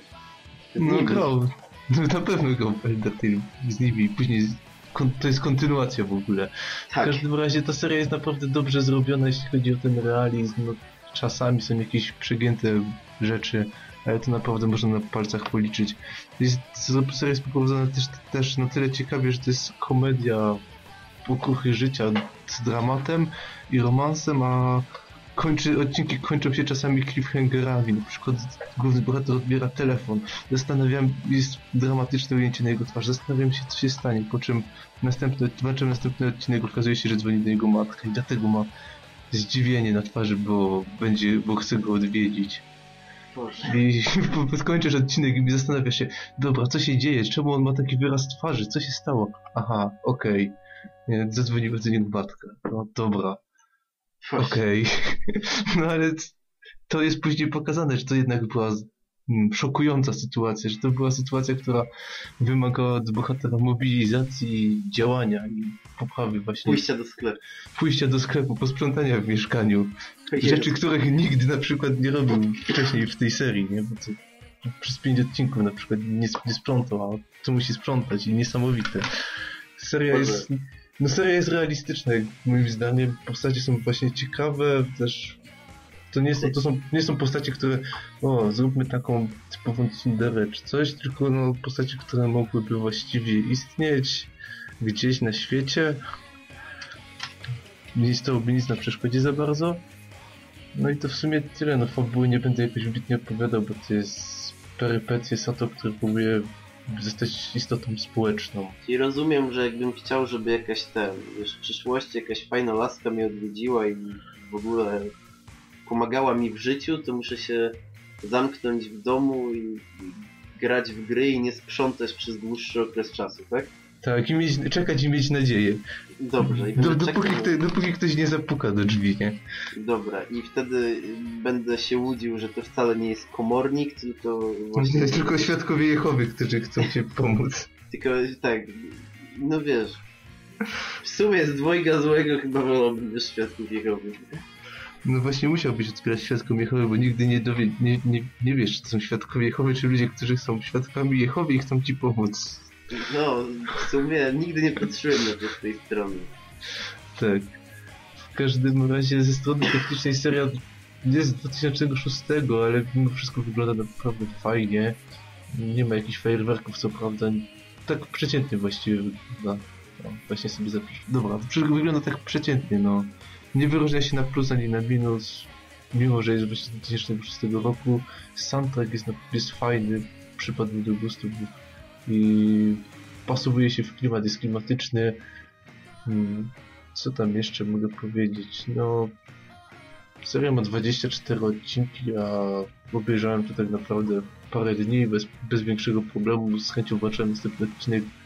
Fabularnie jest naprawdę dobra. No. Ode mnie to było takie 9 na 10 bez problemu, takie 5, może nawet z plusem w skali szkolnej. Wow. No, na, naprawdę przypadło mi to do gustu, to jest A No musimy dziwi- pamiętać, że jeśli chodzi o skalę szkolną, to różnica między 5 a 5 plus to jest kolosalna, to wytycza pewną granicę. Wszystko, co No. jest powyżej piątki, to jest już wybitne. No tak, no w tej serii tak naprawdę dla mnie mało, mało... No jednak, jakby na to nie patrzeć, to Welcome to NHK to już jest seria, jak to my tego nigdy nie mówimy, to jest klasyk, który po prostu trzeba obejrzeć. Klasyk z nie. 2006. Klasyk z 2006, No. który trzeba obejrzeć. Przypominam, że 2006 był 9 lat temu. Tak. No ale to jest jedna z tych serii, którą moim zdaniem właśnie Nie. trzeba obejrzeć. Jedna lepsza w swoich gatunkach i z ciekawszymi postaciami, z ciekawą fabułą, jak na, właśnie na tą, na tego typu serii. Boże, No. właśnie sobie uświadomiłem, że jeszcze parę lat i będziemy mówili o seriach z 2010, że to klasyk. To znaczy, No no, trochę mi nie zanim powiem, że to klasyka, tylko najwyżej, że to starsza seria z 2005. Że No Game No Live jest klasykiem za, za, za 20 lat. 20, za 20 lat powiemy, że to klasyka dobrego eczu. Akurat będziemy o tym mówić akurat jak zapowiedzą drugi sezon. Prezent Wolfa. Trzeci. Tak. Boże, ja będę. Ej, ja już niedługo będę mógł mówić, że tego, że. E, jak to, że Space and Wolf to jest klasyka ekonomii. Nie, to jest klasyka Nie, bo- ekonomii, nie ma nic bardziej Nie, jest klasycznego. bohater- klasyką ekonomii jest ten. E, jest. E, o Jezu, bo zawsze mylą mi się te dwa tytuły, ale to jest ten. E, no, to ma Stars w tytule, to jest 99 seria. Widziałem jej pierwszy sezon, to jest taka klasyka tagu ekonomii. Ale to jest takie raz. polity, polityka i ekonomia. Co ma w tytule jeszcze raz? Eee, Stars, tylko nie chcę mówić, że to jest Voice of the Distant Stars, bo nie pamiętam, czy to jest to, czy to jest ta owa Omecha. Eee, I to mi się zawsze, zawsze, zawsze ze sobą myli. Nie wiem Nie czemu. wiem, ale... Tak, to... Pomyślcie sobie o tych pięknych czasach w przyszłości, kiedy będziemy mówić, że Yuri Kuma to jest klasyka. Klasyka serii psychologicznej. o problemach y, ty, homoseksualizmu u Nie, nas. klasyką serii psychologicznej niedługo już będzie Shinse Kaiori. O Jezu. Pingwin Dram. I ping, a Penguin Drum to już jest klasyk. Nie no, klasyką... Nie no, przesadzamy z tymi klasykami chyba. Nie no, klasyką serii psychologicznych na pewno może być uznane ten, e, na pewno może być uznane e, serial Experiments Life. Tak, Monster Akira te sprawy. Nie, nie, nie. Dobra, bo przejdź, przejdźmy nad tym gdybaniem, co jest jaką serią. Dobrze, to przejdź... Następna jest seria chyba twoja, Lesiu, tak? Tak, i to następna seria jest, O czym Zubek mówi? no jak to, ja, ja mówię o serii najnowszej. Aha, Jest teraz tak? To o tych mackach jest najnowsze? 2010. O Boże. Tak, Lesiu Też się zdziwiłem, bo wygląda jak 2004, ale... Znaczy, E. może nie tak, wygląda jak 2007.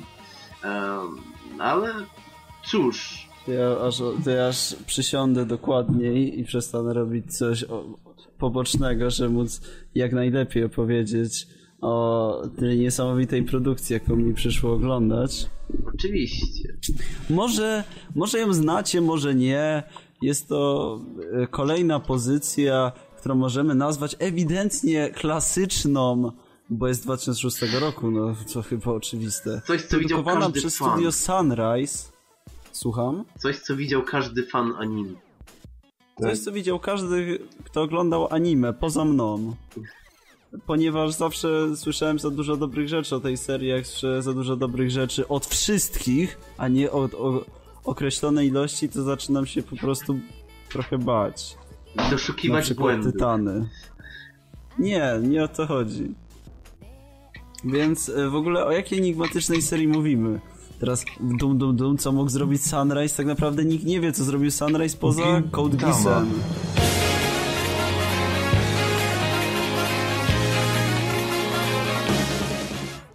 Gintama, Gundamy, to zrobił Sunrise Planet. Gundamy, no przecież.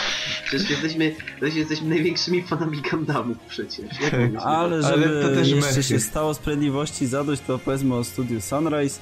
Jest to takie śmieszne studio, które ma w sumie 11 podstudiów, gdzie każde odpowiadały za inne produkcje. Za Code odpowiadało studio czwarte, a na przykład, bo jeżeli to kogoś interesuje, to za studi- studio dziesiąte odpowiadało za Fibraina. Czy studio ósme odpowiadało za Aselworda jeżeli naprawdę, bardzo mnie ciekawi, jak wygląda podział obowiązków na 11 ekip tworzących, no ale to chyba nie jest mój problem. No nie. Ja, ja dzisiaj porozmawiam o serii, która na My Anime List jest w rankingu popularności na miejscu czwartym kiedykolwiek, a ustępuje miejsca tylko Death Note'owi, Tytanom i Sword Art Online. E, historia... Teraz wszyscy popatrzą się na mnie jak na idiotę, bo będę opowiadał o historii Code Geassa. E, hi- Historia ma miejsce w roku 2010, kiedy święte Imperium Brytyjskie e, przemianowywuje Japonię na strefę 11. E, Dlaczego to robią? A no dlatego, że Brytania jest tak świetnym państwem, że przejęła kontrolę nad całym światem poza Chinami. Dlaczego? Bo tak. Ej, przepraszam Udało bardzo, Unia. Europejska też jeszcze jest. No, i Ale Europejska ona to jest potęga. podległa i... I, I Rosja, Rosja w sumie też była przez pewien czas, tylko że szybko ją zajęli.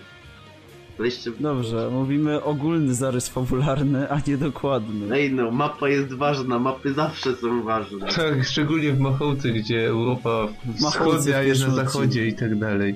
Nieważne. E, głównym bohaterem, o Boże, czemu o nim trzeba mówić, jest Lamporg Leloch, czy ja, Leloś, jak się to Lulusz, czyta? Osoba, Lulusz. osoba, która wymyśliła jego imię jest sadystą, po prostu. Nazwijmy go L. Jest... Jest Brytyjcz... Nie, nie, nie nazwiemy go. Czemu? Czemu? Bo jest taka seria, która też wychodziła w 2006 roku i była bezpośrednim konkurentem Code Geassa w- w trakcie emisji i był w niej taki notacnik i w niej też była postać, która się tak nazywała. Nie. Czy to przy- Bakuman, bo tam pewnie notowali. Zostajemy przy Gisie. E, Jest to główny bohater, który jest Brytyjczykiem, czyli no powinien należeć do rasy tej lepszej, tej, która rządzi w Japonii.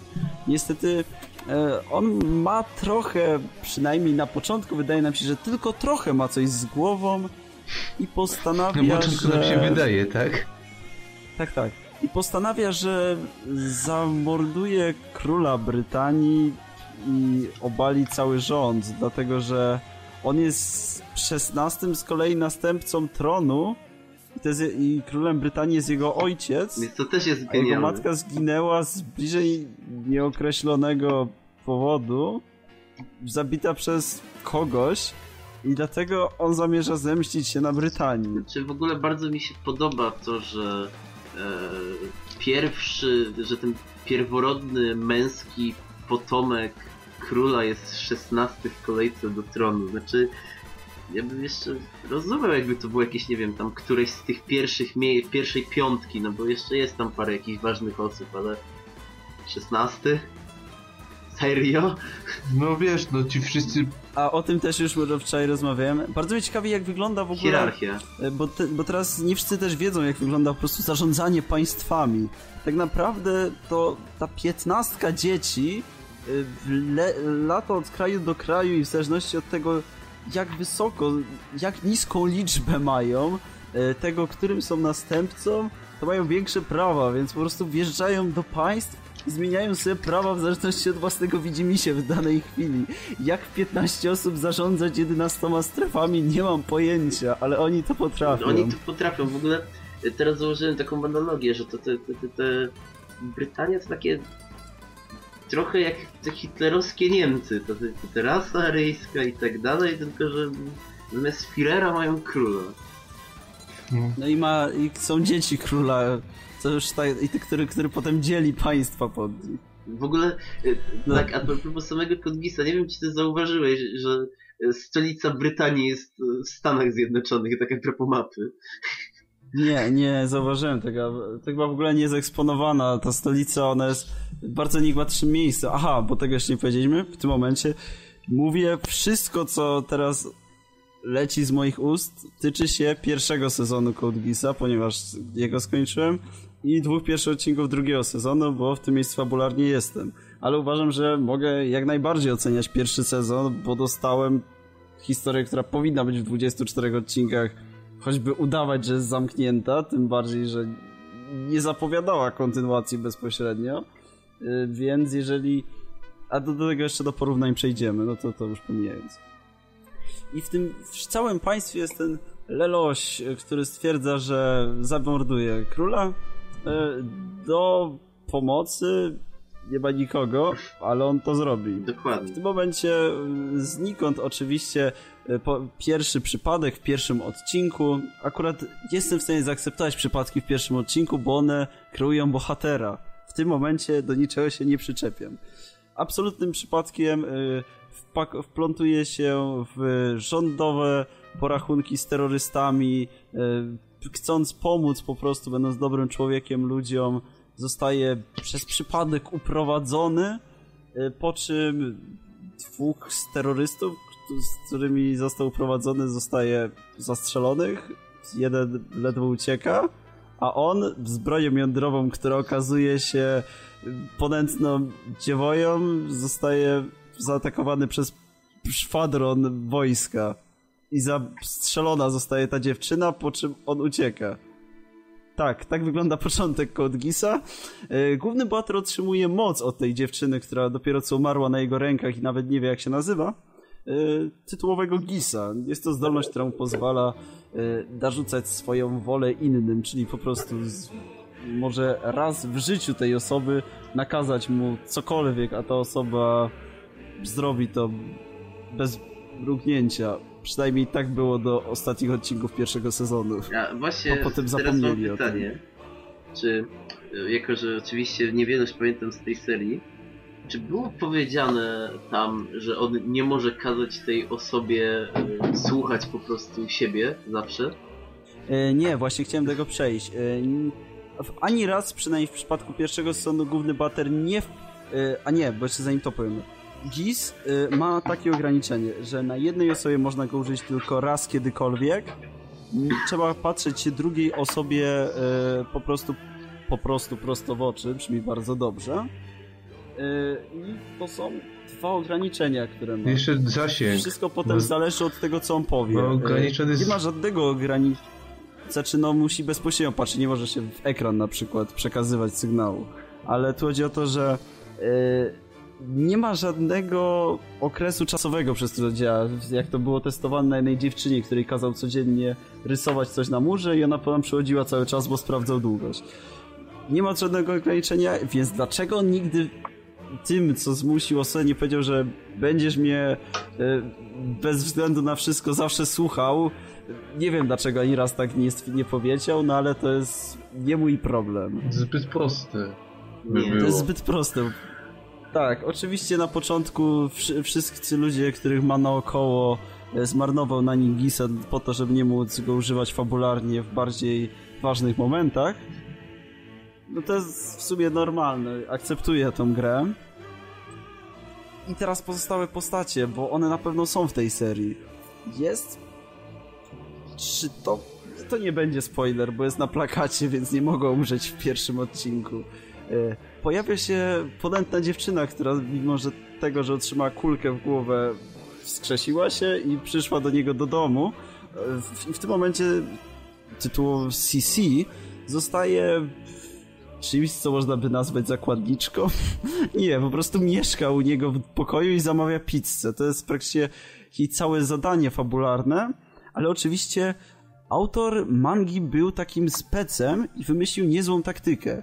Jeżeli nie wiemy, co zrobić z historią, to wrzućmy tam CC. Ona i tak potrafi wszystko. Pilotować mecha? Żaden problem.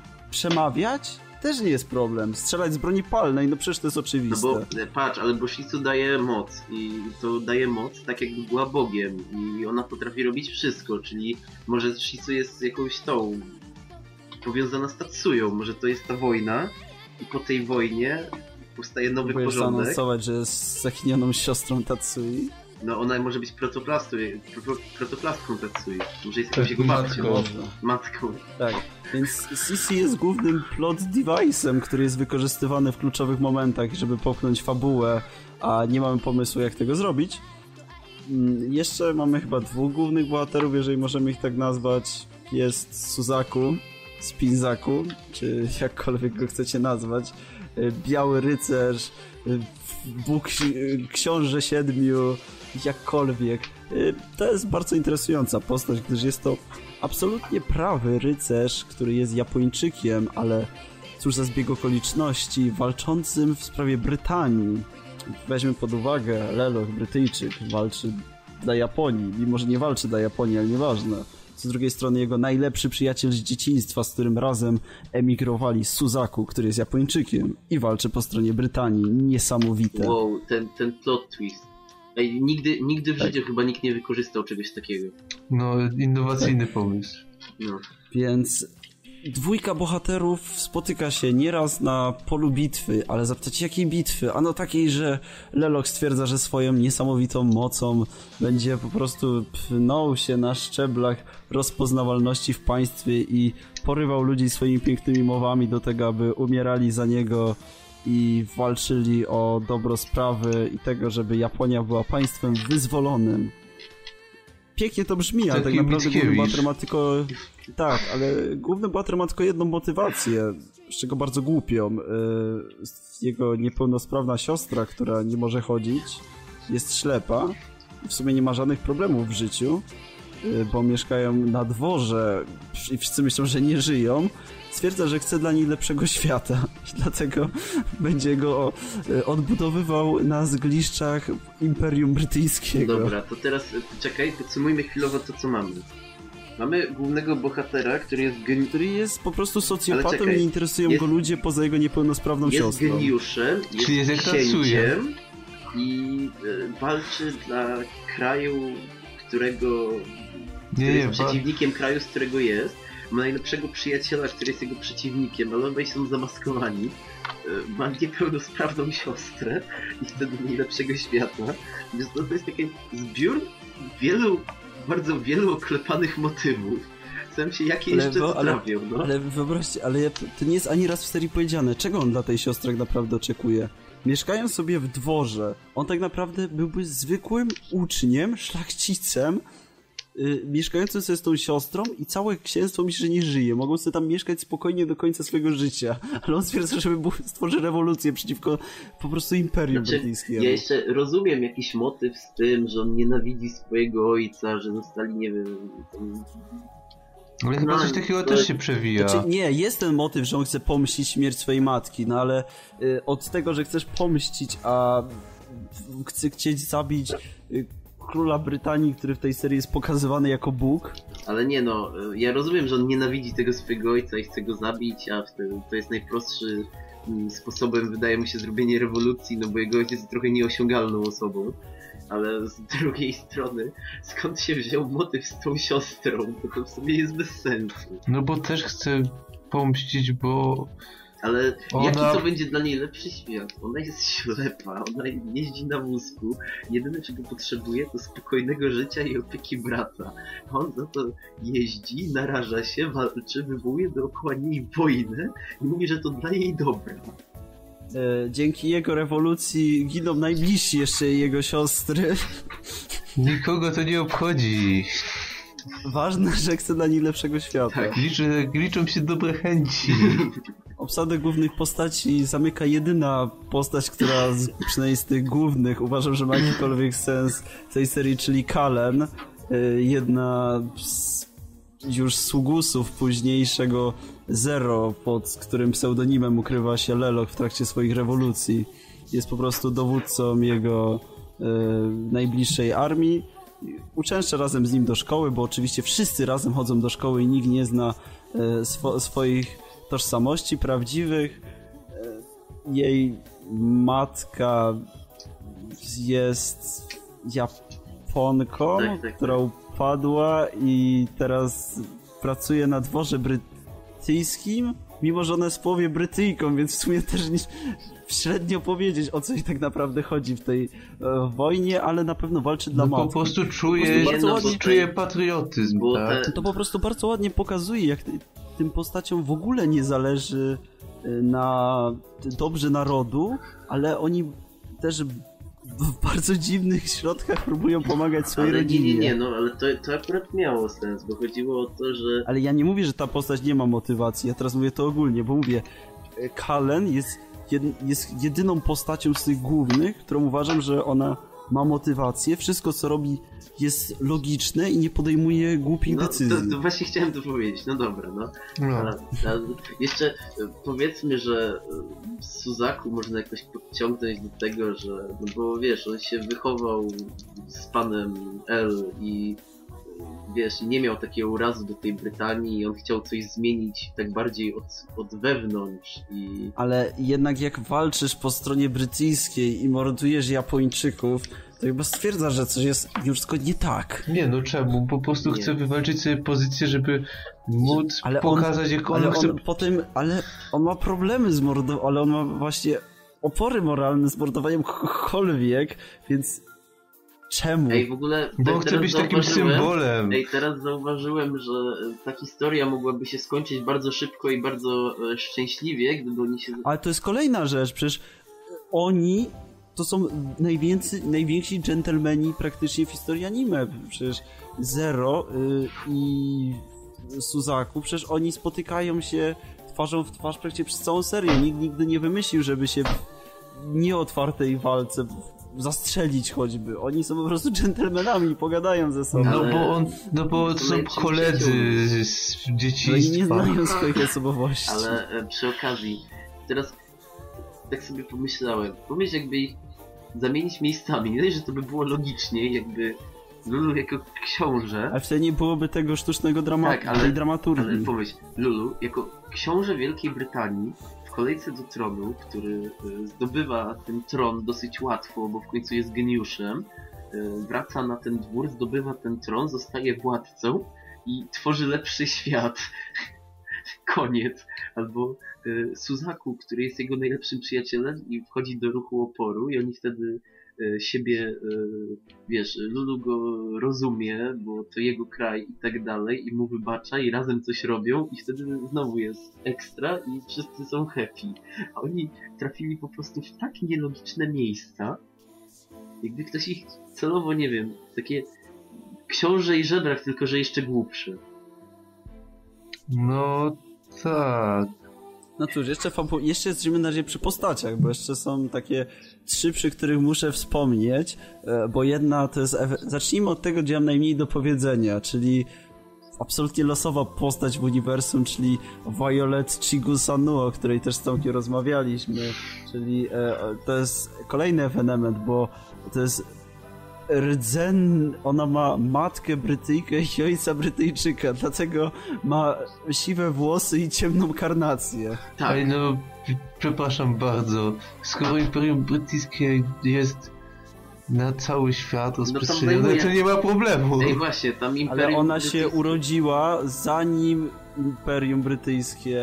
Imigranci. Ale nie, nie, nie, no przepraszam bardzo, ale e, żeby mieć tam na przykład do, biorąc pod uwagę to, że od tego e, XVI wieku rozrastały się kolonie, to żeby być e, rodowitym Brytyjczykiem na pięć pokoleń wstecz, to dalej mogłeś Dobrze, mieć chciałem jakieś po prostu przedstawić, że geny. jest Brytyjką i nie chciałem się przyczepić do postaci, bo chciałem powiedzieć, że odnośnie designu bardzo lubię tą postać i tylko tyle miałem do niej do powiedzenia, ale chciałem to zaznaczyć. I teraz są jeszcze dwie bardzo ważne postacie, bo jest e, jedna postać, którą najbardziej lubię w całej serii. Jest to Lloyd Asplaut, czyli puddingowy Earl, będący e, prywatnym praktycznie twórcą mechów i mechanikiem naszego e, japońskiego przyjaciela głównego bohatera, czyli Spinzaku. E, on jest hrabią, jest wysoko postawiony, on w życiu nic nie musi, ale lubi tworzyć mechy i to jest jedyne co robi. E, Wszystkie jego pobudki są albo związane z jego pracą, albo z jego prywatnymi zachciankami, które nie mają w sumie też żadnego sensu, ale to właśnie czyni tą postać najlepszą jak dla mnie, ponieważ on nie ma żadnych górnych ideologii, wszystko co robi jest w 100% logiczne, bo nie wychodzi poza jego ramy myślowe i Po prostu jest to jest- postacią, która nie przeprowadza żadnego bezsensownego dialogu. Wszystko co on mówi wnosi coś do fabuły albo do To postaci. jest po prostu to nie jest tak, że naukowiec, który sobie wchodzi i myśli, znaczy, to jest naukowiec, który, to jest naukowiec, który jest najważniejszy w, państwie nawet, jak znaczy nie w tym wypadku, ale po prostu jest najważniejszy. Tam on robi, on jest po prostu ekscentrykiem. I zostaje oczywiście postać, co najważniejsze do zaznaczenia, jej znakiem zodiaku jest rak, czyli Shirley Fanet. E, Nie, nie doszła miłość e, Lelocha, ponieważ e, nie, nie możemy spoilować, ale przynajmniej na końcu pierwszego sezonu, no niestety nie mogli, nie byli razem, ale jest bohaterką absolutnie bezużyteczną i wykorzystywaną tylko do popychania fabuły naprzód, ewentualnie tworzenia jakiegokolwiek dramatu wokół bohatera, którego nie interesuje nic poza jego siostrą. y, mam To stwierdzili, że w sumie dodajmy za nim jakieś femme fatale, która się za nim ugania, więc może będzie o nią tak trochę dbał. A jak ona będzie smutna, to z niego też możemy zrobić smutną osobę. A to Genialny plan. pytanie, teraz sobie odpaliłem w ogóle e, Lloyda, bo musiałem sobie przypomnieć, kto to jest. Właśnie zobaczyłem, ile Lloyd ma lat. Ile? się No, 30. tak. No dobra, nie no, po prostu ta postać się tak nie wyróżnia za bardzo pod względem reszty licealistów, czy tam tych No właśnie to jest nim najwspanialsze. studentów, więc no cóż, okej. Nie, czekaj, czekaj. No i wyszedł, Chwilę. i wyszedł po prostu za jedną y, z uczennic tylko po to, żeby mieć dostęp do ich laboratoriów, tak? No, w sumie rację. Przy okazji podrywając inną uczennicę, Tak, która potem tworzy broń jądrową, która nie wybucha. Nieważne. Tak, bo na przykład, y, wiesz, y, pan L to jest tego. To, to w ogóle ja wiem dlaczego on dopiero y, tak, taką większą rewolucję y, chce przeprowadzać w drugim sezonie, bo dopiero wtedy jest pełnoletni. A, Wszystko ma sens. czy większą rewolucję, no wiesz, zawalenie, z- z- zniszczenie całej, całego miasta to już jest lekką rewolucją. Oj, Nieprawda. nieprawda. Przecież to nie to samo, co wysłanie bomby atomowej balonem w atmosferę. Nieważne, nie, nie wiecie o jaką serię chodzi. Dobra. E, Pozostałe postacie, można o nich wspominać, ale nie ma po prostu postaci, które się wyróżniają w Code. Możecie mi powiedzieć, co chcecie tam. Niektóre naprawdę mm, czasem się pojawiają, coś wniosą, ale poza tą trójką tak naprawdę, o której wspomniałem, to żadna mi nawet nie próbowała utkwić w pamięci, ewentualnie była po prostu źle napisana. No i no jeszcze E, jest Loli, fabuły- jakaś Loli księżniczka z Chin czy coś. Ona też nie jest złą postacią. No jest boginią wojny, tak. Tak. To muszę, boginią zwycięstwa. To muszę przyznać, że akurat tą Ta postać też była sympatyczna i ją Ale ja muszę przyznać, że Chiny są całkiem fajnie przedstawione. Chiny są całkiem śmieszną nacją, bo oni tak w sumie siedzą na tej wojnie. Najśmieszniejsze w Chińczykach jest to, że jest rok 2006, 2016, ale oni i tak po prostu mają takie tradycyjne ubiory Tak. chińskie i każdy nosi katanę i miecz. Tak, i w ogóle e, z Chińczykami najlepsze jest to, że to w sumie jest cała jakaś taka Unia Chińska, która zajmuje e, całe Chiny, Indochiny, Mongolię i tak dalej, to wszystko. I oni są drugi, drugą najpotężniejszą siłą na świecie i tak w sumie ci Anglicy nie chcą z nimi wojny, bo po co, więc Chińczycy tak sobie wbijają i tak mówią cześć i później sobie gadają z nimi, później mówią na razie i sobie odpływają. I to jest tak, tak, taka przyjazna nacja sobie po sąsiedztwu. Bardzo sympatyczni są Są trzy kraje na świecie, przyznać. to jest jeden, z którym jedyny, z którym Anglia nie prowadzi wojny. No i te, no nie, to już mamy postacie i mamy plot fabularny. Teraz przejdźmy do grafiki, czyli możemy bardzo szybko o niej powiedzieć. Wizualnie seria jak na rok 2006 prezentuje się naprawdę spoko. Nie mówię, że ładnie, bo wygląda po prostu dobrze. A propos wyglądu, to y, powiedzmy tak, y, mam do wyboru teraz trzy serie, które jestem w stanie powiedzieć z głowy z roku 2006. Y, Code Geass, Death Note i Aria. Ej, Y, jeszcze. Zakładając Dobrze, ale akurat te trzy mi do głowy przyszły. Zakładając, że Okej. Aria to jest hentai, więc wizualnie absolutnie odpada z tej rozmowy. Yy, przechodzimy do Death Note'a, który wygląda dużo gorzej, przynajmniej jak dla mnie, przez to, że tam paleta kolorów to jest czerni, szary, ciemny i czerwone jabłka. Tak wygląda Death Note, yy, więc nie. I jest Geass, który w sumie też nie ma zbyt szerokiej palety kolorów, ale przynajmniej te mechy są kolorowe, no to...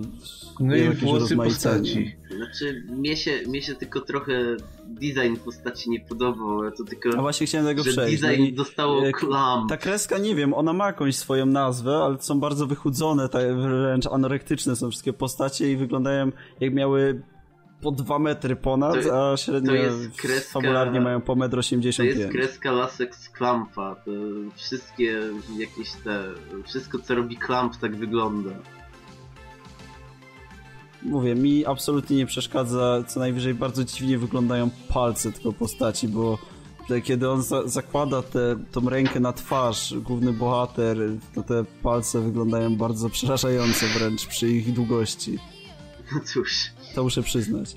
E, Od strony wizualnej, a o wizualnej to wszystko, od strony audio, no to tak, jest dobrze, Tak. jest bardzo dobrze. OST jest, no nie powiem, że najlepszym i nawet nie powiem, że najlepszym w swoim gatunku, bo jest, zaraz jeszcze będę mówił o jednej serii odnośnie tego. Ale OST jest naprawdę spoko i z niektóre utwory zapadają w pamięć, więc to jest chyba najważniejsze, jeżeli po skończeniu się coś pamięta. Pierwszy opening jest świetny, drugi opening jest niezły, trzeci opening, który chyba jest przez dwa odcinki, jak się nie, nie, jak się nie mylę, tak, jest w dwóch odcinkach, jest bezużyteczny. Nie wiem po co tam się znajduje i jest słaby, po prostu. Jest po prostu dodany na dwa odcinki. Nie wiem, to nie mi oceniać. Yy, tak się prezentuje. Jeszcze odnośnie moich już teraz, bo wcześniej oczywiście nie mówiłem tego prywatnych przemyśleń. yy, Bardzo mnie ciekawi te 17 miejsce Code. Ja wiem, że wiele osób zaczynało historię z anime od tej serii. Ja wiem, że wszyscy oglądali tę serię. Ja wiem, że ona yy, pod, ona ma bardzo gruby płaszcz tego, że jest ideologiczna, że próbuje coś przekazać, że główny bohater ma jakiś cel. Znaczy, ta Ale seria moim zdaniem jak- głównie się skupia na symbolice, bo wszystkie postacie są przerysowane w każdą stronę. Właśnie nie są wszystkie przerysowane i to jest chyba, to jest też problem, bo tutaj nie, masz niektóre postacie, no ale masz nawet główne postacie. Ale nie, no CC główne nie jest postacie to są z CC, reguły ale symbole. nie, ale, ale masz teraz cztery postacie. Masz CC, ona nie jest symbolem, ona jest postacią, która jest z gatunku, który już mówiłem, że nie lubię, czyli taką y, typowo tsunderę, która mówi mądre rzeczy i pojawia się w najważniejszych Ale momentach. ona nie jest. Który wcale chyba. Ona jest No, w ogóle nikim, nie ona tylko stoi z boku, jest Ona jest biernym nikim, ale ale jest on jedną ma z powód, głównych żeby być bohaterek. wywalony na wszystko, co się dzieje. No dobrze, ale jest jedną z głównych bohaterek, więc bierzemy ją pod uwagę. CC nie jest do niczego nawiązaniem, ani nie jest przenośnią. Jest główny bohater, dobra, jest Leluch, on jest tym zapalnikiem rewolucji, przy- przerysowanym geniuszem i tak dalej, któremu się wszystko praktycznie zawsze udaje. No, chyba, że się pojawia Swagzaku, który jest Słagzaku jest że... jego drugą stroną, tak jak... No jeżeli, znaczy Lelok ma wszystko przemyślane, ale on nigdy nie bierze w swoim planie pod uwagę, że pojawi się Swagzaku. I wtedy pojawia się Swagzaku i on jest z tego, żeby mu przerywać jego plany. Ale czwartą postacią jest Kalen, ona też nie jest w żaden sposób przerysowana. I to jest właśnie ten Jak problem, to, Kalen jest jest... czymś między ten, między Swagzaku a, a Leluszem. Ona jest takim tym... Czy, czymś pomiędzy pokazuje obie motywacje. Ale ona pokazuje tę motywację w złym momencie. Ona powinna od początku serii je pokazywać, a nie y, dowiedzieć się o w tym, kto jest kim. W sumie nie, dowi- nie dowiedzieć się, jak już z Tomkiem ci ustaliliśmy, do drugiego sezonu dalej, kto jest kim. Nieważne. Mimo, że to też nie ma sensu swoją drogą. Byśmy zostawili screeny, ale już nie wiem, czy będzie, czy w montażu będę chciał je dodawać, ale to też jest trochę źle wyjaśnione bardzo. Więc mówię, z tymi postaciami mam problem i ja uważam, że Code Geass jest bardzo grubymi nićmi szyty, jest na pewno lepszy niż Death Note, z którym konkuruje bezpośrednio, ale jest bardzo dużo głosów było w momencie, kiedy był emitowany Guilty Crown, że jest po... No, nie oszukujmy się, Guilty Crown jest zrobiony na kanwie Code Geassa, ale to ile ja się nasłuchałem, o ile ta pozycja jest gorsza, o ile gorszą historię opowiada, ile ona ma wad, jak zły jest główny bohater, to ja bym stawiał Guilty Crowna maksymalnie ocenę niżej niż Code Geassa, a jakbym miał obiektywnie patrząc na tę serię, patrząc przez pryzmat tego, jak się przy obu bawiłem i dostrzegałem ich wady, no to są dla mnie serie, które się równoważą. Główny bohater, bo teraz jeszcze odnośnie porównania tych dwóch. Główny bohater Code Geassa w porównaniu do Shu, jak dla mnie oni są tak samo sensownymi bohaterami. W żaden sposób nie jestem w stanie bzżyć się, kibicować, czy w ogóle lubić Lelocha, który jest po prostu pieprzonym socjopatą z, mającego bzika na punkcie swojej siostry i chcącego wszystko zniszczyć, polewając wszystkich. Z drugiej strony dostaje cipowatego bohatera, który zostaje Hitlerem. W sumie na jedno wychodzi Ej, a może mnie. po prostu jedyne uczucie, które pozostało Leluszowi to miłość do jego siostry. No właśnie, ty, co jakbyśmy... Czy Kodgis byłby lepszy, gdybyśmy zamienili Tatsuya z, z Ryszem? Tak, Tak, byłby dużo lepszy. Ja też tak uważam. To byłaby po prostu komedia roku. W momencie, kiedy Tatsuya idzie, idzie, idzie Tatsuya i on po prostu rozwala tym jakimś swoim pistolecikiem i w ten sposób podbija świat. Ej, jak są... e, bo- Nie, strzela tym pistoletem i potem jest, jak to było, techno combo i jak Nie, to bo teraz, stało. Teraz powinno być tak, że... E, bo, uwaga, zaspoileruję, bo mam bardzo dużo z drugiego sezonu. Będą latające mechy. I... A to jest pierwszy. No dobra, no to nawet pierwszy. I teraz powinien, wiesz, z jednej strony ta armia latających mechów, a drugiej strony powinien po prostu sam Tatsuya przylecieć na jakimś rydwanie najlepiej, żeby z tyłu siedziała na nami. Nie, po na wyobraź sobie, że Tatsuya, wyobraź sobie, że Tatsuya przylatuje na tej imaginacji, na której Hakryów magii przyleciał. Tak, na tej imaginacji. Dokładnie na tej samej. I teraz, tak, i pamiętaj, że za nim musi być Nanali na latającym wózku i on wtedy powie, będę cię bronił i... Miyuki. Nie, i, i Miyuki Ona powinna stać obok i, i on wtedy Ona powie... powie tylko Onichan. Tak, a, a on powie, będę was bronił i wyciągnie y, pistolet i pokaże swoim okiem, gdzie ten pistolet ma strzelić, on wtedy strzeli w bok i zrykoszytuje po wszystkich możliwych mechach i wtedy za nimi wybuchnie bomba atomowa i wszystkie spłoną.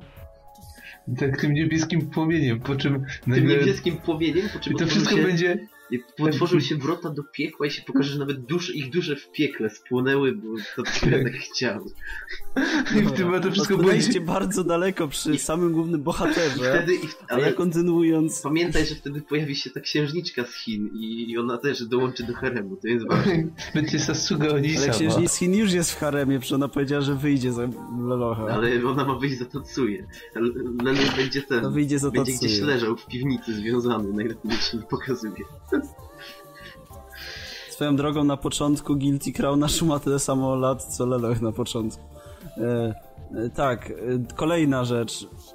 Główna heroina serii, Sisi i Inori. No, tu nie muszę chyba mówić, jak bardzo Inori nie jest postacią z dziurami i tak dalej. Można jej nie lubić, no ale mimo wszystko w porównaniu do Sisi to jest po prostu wylęgarnie emocji i sensu. ale Sisi ma, w- ma w drugim sezonie powiedziane, dlaczego ona ma tak w sumie na wszystko wyrąbane, bo i ma powód, żeby to, co się dzieje w sumie ją nie obchodzi, nie?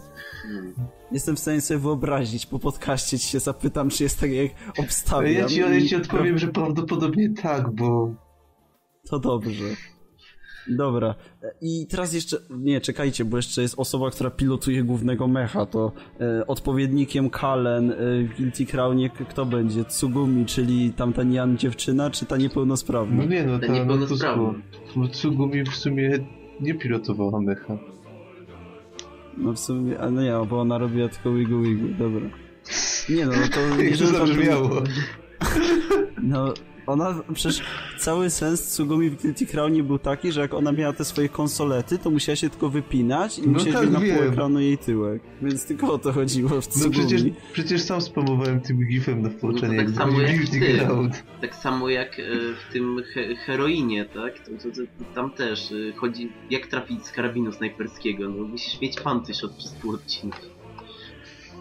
No i jest jeszcze, no to akurat uznajmy, że Kalen jest tam ciekawszą postacią niż Ayase, a reszta no to patrząc przez pryzmat fabuły, Code Geass jest tak samo powtarzalny jak Guilty Crown w atakach terrorystów i tym, że raz się udają, raz nie i że w sumie się cofają, jest zamknięta strefa, y, są główne postacie, które jak naprawdę od nich zależą całe konflikty, tylko że- główny bohater ma bardziej ofensywną moc w Guilty Crown niż Leloch, który jest bardziej tym mastermindem, ale to w sumie na jedno wychodzi, czy oglądacie Code Geassa czy Guilty Crown, przynajmniej w moim odczuciu, Ale w sumie z drugiej strony zauważ, że mam wrażenie, że te mm, postacie e, w tym, w Code Geassie od początku są tak bardziej nastawione na zmienianie świata, wiesz, już coś znaczą, że tak powiem, a Guilty no, ale Crownie... no właśnie to jest ten problem, że Leloch jest zwłokami dla świata, on nic nie znaczy. Nieważne. Ale już na przykład Spinzaku czy... Pom, pom, pom, pom. A w sumie Shu też nic Ale- nie znaczy. No właśnie, jest, nikt z nich nic nie znaczy, Zubek. To jest dokładnie tak samo From Zero to Hero. On jest zwykłym policjantem Suzaku na początku, zwykłym pionkiem. Oj tam, oj tam. Ale już kimś Mówię. jest, kimś więcej niż licealistą. Ten, Lulu ma jakąś mroczną przeszłość. Jest martwy. Kiedyś odnośnie tych materiałów są jeszcze jakieś do nagrania. Na pewno jednym z nich będzie y, przelecenie przez pierwszy sezon Code Geassa i będę wytnę to i będę pokazywał palcem. O, patrzcie, jakie to, to, to, to jest głupota. I tak można w każdym odcinku. Nie jest tak, że się tej serii przyjąłem, bo jej dałem bardzo mocne 7 pierwszosezonowi, a drugi jest rzekomo lepszy, więc dam mu 8 pewnie. Więc to nie znaczy, że ta seria mi się nie podoba, tylko że jeżeli seria stawia na fabułę, a nie... Tam, nie ma na przykład walk, które mnie porwą, tam nie ma dialogów, które mnie porwą i nie ma postaci, które mnie porwą, no to patrzę się na tą fabułę i widzę jej luki, więc nie mogę tego ominąć i stwierdzić, że się dobrze bawię, bo się nie bawię dobrze, kiedy tam nie ma po prostu niczego, co mnie chwyta, bo no, nie powiecie mi, że na przykład zapam- zapadła wam pamięć, teraz mówię o pierwszym sezonie, bo może w drugim się zmieni, zapadła wam w pamięć jakaś walka z w- rozmowa, Teraz na... Jak To- to bomby to- atomowe? No właśnie, bomby atomowe zapadły w pamięć. Scena na w stadionie, walka z No wulkanem. dobra, scena na stadionie, ale zapadła ci z powodu tego, że była bekowa, czy z powodu jakiegokolwiek innego? No z dia dialog mi tam zapadł w pamięć. I to nie było No bekowe, to było, no to było tragiczne. Oczywiście, oczywiście najważniejszy cytat głównego bohatera, że zabić mogą tylko ci, którzy są gotowi, by być zabitymi. Przepiękne słowo. No, E, mówię, po drugim sezonie jeszcze mogę trochę naprostować to, co teraz powiedziałem, ale jak mówiłem, jeżeli mam porównywać Guilty Crowna i Code Geassa, to są dla mnie pozycje bardzo podobne. Oczywiście Guilty Crown jest jawną zżyną z Code Geassa i nawet skrót to jest po prostu odwrócone, odwrócone litery. Ale mówię, bawiłem się przy nich bardzo porównywalnie i w wielu miejscach mają te same wady. Niektóre rzeczy jedna seria robi lepiej, druga drugie robi lepiej. ale na pewno fabularnie spodziewałem się czegoś dużo lepszego, patrząc po ocenach. To chyba będzie tyle, co o Code Geassie, Hangiaku no Leloś. Spokojnie, i tak nikt nie będzie tego słuchał, bo wszyscy widzieli kod Gisa.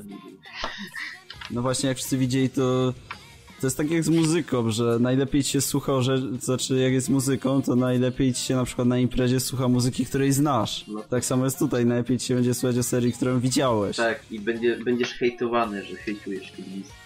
No Jak No. ktoś będzie hejtował, no to No ja to mogę jeszcze bardzo oceń, z powiedz, chęcią... powiedz na koniec jak, jak oceniasz, żeby było, że hejtujesz, hejtujesz. Pearson dostał ode mnie 7 No, na To 10. takie 4 z plusem. Jakby pół godziny hejtowania, po czym no 7 na 10. No, ale ja nie hejtuję No wiem, no wiem, tylko To po prostu się śmieję. No. No wiem, wiem, błędy, tylko no bo po prostu się o plusach to śmieję. Wiedzą, bo o plusach wiedzą wszyscy już, którzy dali te wszystkie oceny, tak? No tak, tak, wiem, tylko po prostu się śmieję, że to śmiesznie wygląda, tak? No, bo, bo niektórzy ludzie, tak samo to jest też w Polsce, że jak ktoś mówi źle o serii, to po prostu chce jej dopiec i widzi w niej tylko wady, nie? no, No. tak. A teraz w takim razie przejdźmy do trzeciej serii, o której dzisiaj opowiemy. W sumie ja opowiem i zanim powiem co to za seria, to muszę powiedzieć dzisiaj backstory, dlaczego w ogóle zacząłem to oglądać i skąd to nie wiem. Otóż parę dni temu, w sumie już tydzień, e, Lesiu znalazł taką apkę, co się nazywa Quiza. Czy nie mówmy, że znalazł, bo to trzeba pozdrawiamy podcast Rozgrywka, Tak, który miał setne urodziny, jeżeli słuchacie jakiegoś dobrego podcastu, to Rozgrywka. Dobrze. W każdym razie jest tam cała masa kategorii i kategorie mają swoje podkategorie i na przykład jedną z podkategorii TV jest anim. No i jako, że Lesiów to już bardzo ostro się zagrał i obecnie jest w tym miesiącu najlepszy w Polsce, No to nie wymaga za dużych Tak, umiejętności, ponieważ po ja prostu jestem- to wymaga... No to trzeba być po prostu, można być nawet botem i nie mieć pojęcia na temat kategorii, w której trzeba po bierzemy prostu udział. pamiętać jak się odpowie- jakie są dobre odpowiedzi. Nawet, nawet nie o to chodzi, po prostu trzeba klikać cokolwiek, możecie nawet przegrywać wszystkie gry. Tak, żeby Tylko, wbijać że to, bo tu liczy tylko ilość punktów, a nie to, czy ile procent zwycięstw i tak dalej. Tak, a jak na razie ma jakieś dwa razy więcej punktów ode mnie, on jest na pierwszym miejscu, ja na drugim, więc to nie jest zbytnie wyzwanie, ale ja nie o tym. Otóż są, jest tam wiele pytań z serii, o których tak słabo słyszeliśmy i niektóre z nich są sportowe. Na przykład takiej serii jak One Piece. Tak, znaczy nie oglądaliśmy, albo serii sportowych takie jak e, Initial D, Albo Black Cat, tak, są albo. Black Cat, albo największy mindfuck ze wszystkim. Uwaga, uwaga, uwaga. Czym jest Case Closed? Otóż Case Closed to jest Detective Conan. I strasznie mi się to podobało, ale między innymi też było cała masa pytań o serię, która nazywa się Squid Girl i stwierdziłem, że co to jest Squid Girl? Ja gdzieś o tym słyszałem na stówę. Okazało się, że to jest Shinryaku Ika Musume i to taka komedyjka jakaś robiona przez studio Diomedea w roku 2010. No, wysokiej oceny super to nie ma, no tak się waha między 7 a 8. Dostała drugi sezon, więc pewnie coś znaczyła. No i tak sobie podszedłem do tej serii jakoś luźno gdzieś wczoraj z myślą, a obejrzę sobie, czemu by nie. No i jestem aktualnie w połowie ostatniego odcinka. I muszę przyznać, że jest całkiem nieźle. O, co chodzi? No, jak wiadomo, jest to głupia komedia typowo epizodyczna, gdzie mamy trzy różne historie na odcinek, więc e, nie ma, nie ma tego jakoś e, szczególnie dużo. No nie liczmy na jakieś mega zagwozdki fabularne, bo ich nie będzie. E, podobnie e, jeśli chodzi o konsekwentność, bo też się zdarzają rzeczy, które no, nie są wyjaśniane jak się skończyły, po prostu przechodzimy do kolejnej historii. W sumie jak już jestem przy wadach, to może najpierw je wymienię, a później powiem o całym anim. Kreska jest taka sobie, no na pewno to nie jest, 2000, nie jest to na miarę 2010 roku. No i Ost jest taki w sumie niezauważalny, a opening na dłuższą miarę irytuje. Ale o samej serii. Otóż y, mamy Shinryaku, to jest właśnie Squid Girl i mamy y, Ikamu, Ike Musume, bo tak się nazywa, która jest tytułową kałamarnicą. Będę to pamiętał, chociaż wypada mi z głowy cały czas, co znaczy swój, ale nieważne. Em, która wychodzi z wody, żeby podbić ludzkość, bo ludzkość jest zła, niedobra, zanieczyszcza ocean, wszystko. Jako, że z kałamarnicą to ile miała macek? E, szczerze mówiąc, nie wiem, ma zamiast 10. A, dobra, przepraszam, e, tak to pytanie, 10, racja. E, No ma e, macki e, zamiast włosów. I mm, wychodzi z tej wody, tak, bo ludzkość jest zła i chce zaatakować ludzkość, no ale nie zna się za bardzo na ludziach, bo całe życie spędziła w morzu i w ogóle myślała, że ludzi jest zaledwie parę tysięcy na świecie i tak nie mogła nic podbić. I weszła do takiego, ten, takiego bar, baru na plaży. Chcia, chciała go podbić również. Oczywiście wszyscy się z niej śmiali, nikt jej za bardzo nie uwierzył, więc poka- pokazem swoich mocy zniszczyła ścianę, no i teraz musi e, oddać za to pieniądze. Więc zaczyna tam pracować. E, No i dalej obserwujemy głównie jej perypety jako kogoś, kto w ogóle nie zna naszego świata, ale tak zupełnie e, totalnie i choćby boi się dmuchanej orki, bo myśli, że to jest prawdziwe, albo nie wie, czym jest telewizja, czy jak się dowiaduje, że są robi- jest robione spaghetti z kałamarnicą, myśli, że chce, ktoś chce ją zjeść i tak dalej, i tak dalej. A ludzie bardzo szybko się przyzwyczajają do tego, że mają jakieś dziwne stworzenie koło siebie, które ma macki i w ogóle. E, Generalnie, co, co jest ciekawe, to to, że faktycznie parę razy się przy tej serii zaśmiałem i Ale to jest e, po prostu słodka dziewczynka z mackami, czy to jest po prostu kałamarnica? nie, to jest słodka dziewczynka z mackami. No, no, to chciałem wiedzieć. Z- włosów. I ma taką, e, taką niby czapeczkę i jak ją zdejmie, to umrze. To też trzeba pamiętać. E, No, To taka trochę dramatyczna E, seria. No właśnie o co chodzi. W tej serii muszę przyznać dwie rzeczy. Po pierwsze, parę razy faktycznie się zaśmiałem i teraz, żeby e, tutaj tłumaczyć, bo większość ludzi jak mówi, że lałem się przy tej serii, jak nie wiem i tak dalej, i tak dalej, to to jest na zasadzie he, bo wypuszczenie mocniejsze powietrza i tak dalej, no bo nie oszukujmy się, że to tak zwykle wygląda, a żeby się serio zaśmiać przed monitorem, no to trzeba czegoś więcej. A tutaj faktycznie niektóre gagi mnie śmieszyły, chociaż jakieś wyrafinowane super nie były.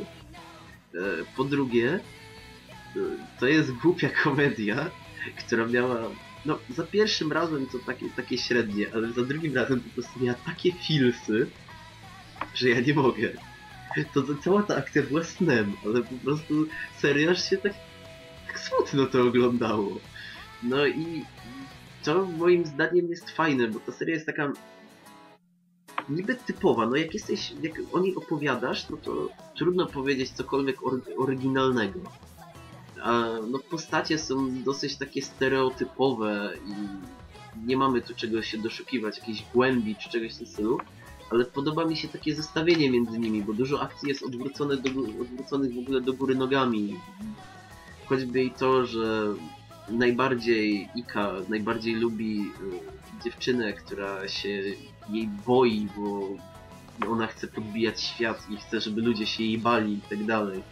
I z tym też wiadomo są związane gagi, czy też y, moich, mój, y, moje ulubione trio naukowców, którzy szukają y, pozaziemskich form życia i nigdy im nie wychodzi. Oni są bardzo smutni, bo na przykład chcieli zrobić roślinę, która by usypiała obcych, a wyszedł im lek na raka. No i co zrobisz? No nic nie zrobisz. I, i tak dalej. Ale po co im e, była, była, było coś, co usypia obcych? No nie wiem, bo chcieli zrobić coś, co usypia obcych. Jakby znaleźli A w tej obcego. serii są normalni obcy? Nie. A, Tak samo jak chcieli zrobić komunikator do rozmów z obcymi, a wyszło im coś, co pozwala się nauczyć wszystkich języków świata od razu. smutni ludzie. No smutni ludzie i wszyscy, wszyscy naj, są po prostu e, naj, najmądrzejszymi ludźmi świata, to skończyli najlepsze uczelnie z wyróżnieniami i tak dalej, ale no nie wychodzi niestety. E, Co do postaci, jak na tego typu serię mamy całkiem sporą gamę postaci, które pojawiają się cały czas i o wszystkich jest co nieco, coś niecoś powiedziane.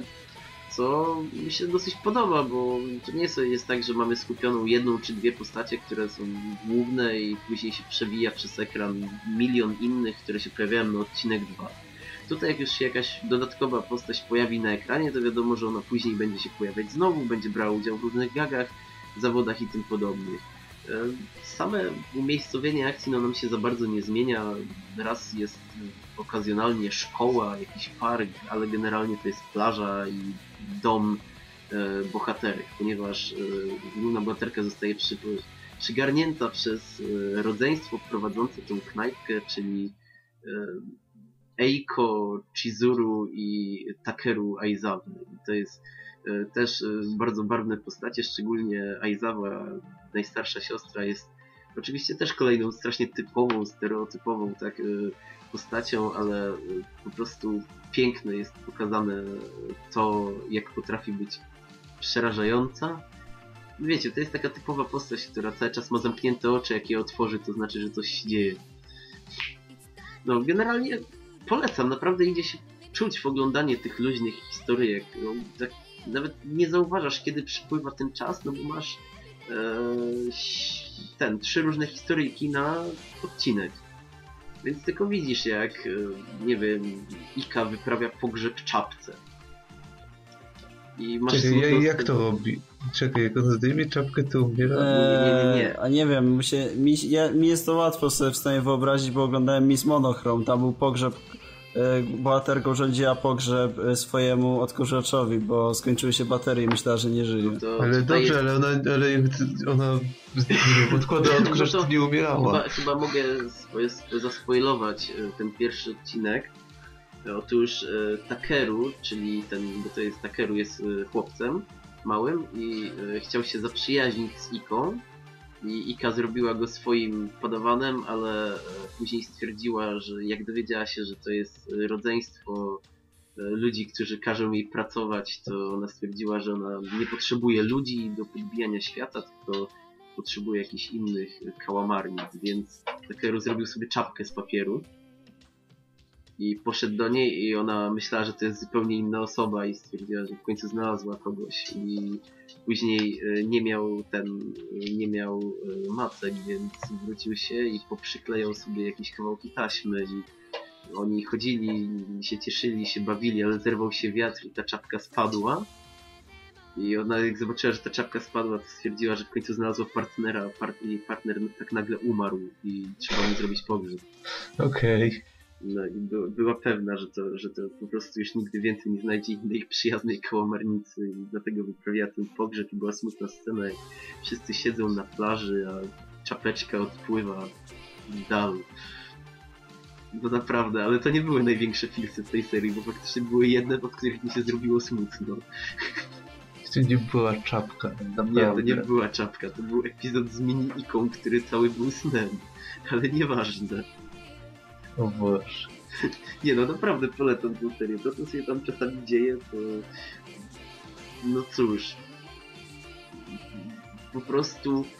To jest tak stereotypowe, jak tylko możesz, ale y, jak w zwykłej stereotypowej serii, tak przewidujesz wszystko i tak mówisz sobie, no to teraz pewnie stanie się to albo to, no i masz tą rzecz, która myślisz, że to stanie się na pewno i tą rzecz, która no jak już się nie stanie to, co myślę, że na pewno to stanie się to drugie. No i zwykle dzieje się to pierwsze. A to jest anim, w którym zawsze dzieje się to drugie. Też się tego spodziewasz, ale mimo wszystko mniej. Więc, e, no mówię, godne polecenia. Nie ma to za dużo co się więcej rozpowiadać, bo e, no jest to ciągle głupia komedyjka od studia Diomedea. No, A to to jest bardzo dobre studio. Tak. Jak się dowiedziałem, jest bardzo dobre. Ja zaraz się zabieram za drugi sezon, bo teraz jestem w trakcie e, meczu. A tak, bo tematy też są różne. Tutaj jest e, wspinanie się na góry, nauka pływania, e, gra w baseball, gra w siatkówkę plażową. czyli to seria sportowa. Nie, Bo właśnie wymieniłeś same sporty. nie, nie, nie, bo wspinanie się było takie czysto rekreacyjne, w sensie spacer. I są też Tak. e, walki. I jest creepy odcinek w samych szarych kolorach o dziwnych lalkach z dzieciństwa. No.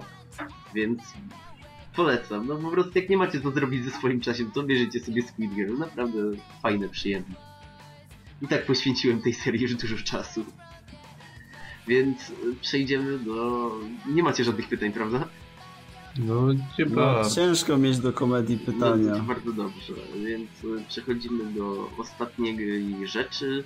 Otóż y, Lesiu chciał nam powiedzieć o tym, że Rolling Girls po ostatnim odcinku jest zajebiste, ale tylko czasami. No, muszę to powiedzieć. Mów, Tomek powiedz. mi na pewno będzie wtórował, bo w sumie o tej serii mówił na podcaście tylko przez niego i jego e, poświęcenie w przekonywaniu mnie, jak dobrą serią jest Rolling Girls. Bo nie mogłem się zabrać po pierwszym odcinku do kontynuowania i wiem, że to był wielki błąd, ponieważ e, rolujące dziewczyny to e, miejscami najlepsza seria tego sezonu, a miejscami absolutny średniak. Dlaczego tak jest? No, no, cała, cała pozycja no, ma 12 odcinków zapowiedzianych. E, Jest podzielona na 6 arków. Każdy ark trwa dwa odcinki. No i uznajmy, że w, w odcinkach parzystych są zakończenia tych arków, a te są po prostu fenomenalne. To są jakieś 5-minutowe sekwencje, gdzie w tle leci e, muzyka. I teraz już nie możemy mówić, że to zawsze jest Blue Hearts, bo w ostatnim odcinku było to zrobione na potrzeby anime, piosenka, znaczy nie lubię używać słowa piosenka, bo powinno się mówić utwór muzyczny, została wykorzystana i w związku z tym,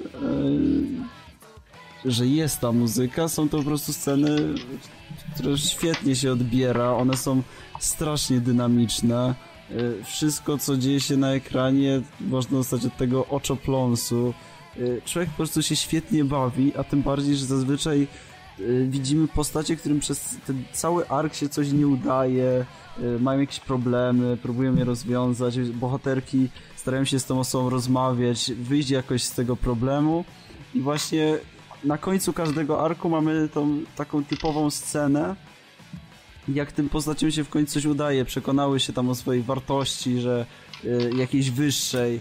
Te, takie typowa, ciepła seria, że widzisz to i od razu ci robi cieplej na sercu, jak na przykład widzisz y, dwie przyjaciółki w ostatnim arku, które tam się pokłóciły, wybrały swoje drogi, a na końcu się spotykają na scenie i razem grają tam koncert. Koncert, tak. Świetnie się świetnie się bawią, mu- muzyka jest świetna, wszędzie są wybuchy, fajerwerki, inne postacie, które były antagonistami przez cały sezon się na przykład uśmiech, patrzą na nie, uśmiechają i chcą im pomagać.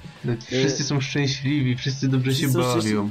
To jest Serduszka. Niesamowi- to jest niesamowity rozgrzewacz serca, taki, że oglądasz to i się świetnie bawisz, tylko że no, w tym momencie dlaczego Rollingers ma dwie twarze. No, drugą twarzą jest to, że zanim dojdziemy do tego, zazwyczaj są te nieparzyste odcinki, nie licząc pierwszego, które mają problem taki, że trzeba bardzo dużo informacji przekazać, mając warki. Musi, bohaterki docierają do nowego miasta, trzeba przedstawić, jakie zasady panują w mieście, w każdym panują inne, jak one jest skonstruowane, kto nim rządzi, i kogo jakie nie jest lubi. backstory, po, jest backstory postaci, które tak naprawdę potrzebowały ich pomocy, bo zastępują tą swoją przyjaciółkę Ma Machan.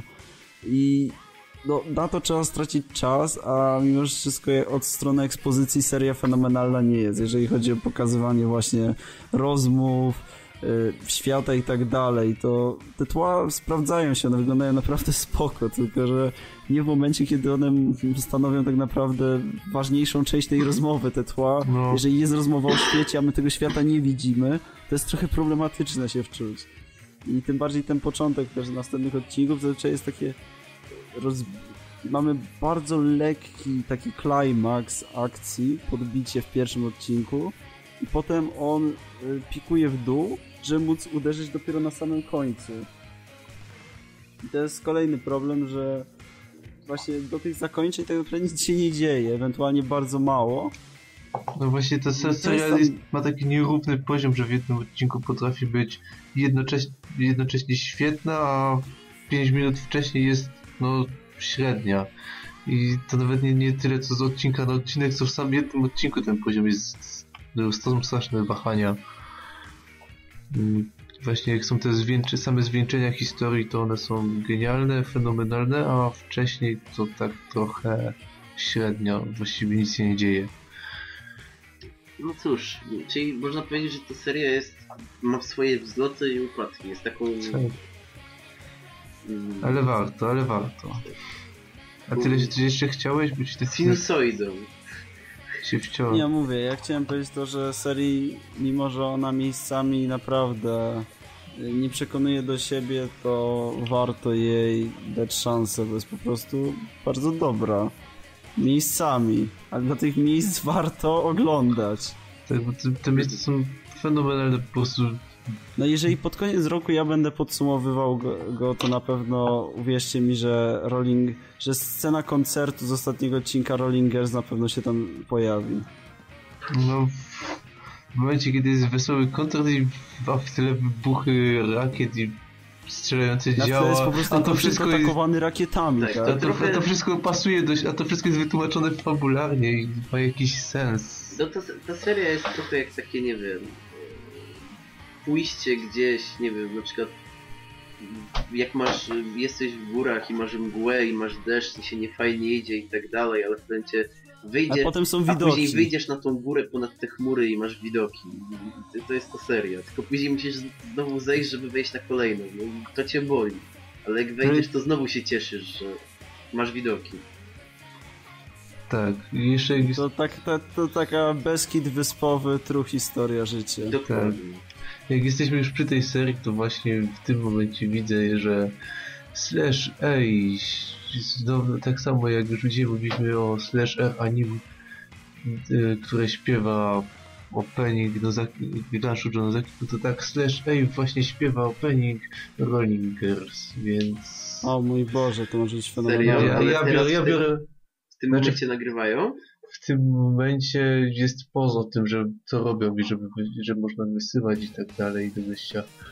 W każdym razie ja chyba wezmę udział po prostu. Ej, to wiecie co? To może my tak już powoli będziemy kończyć i weźmiemy sobie...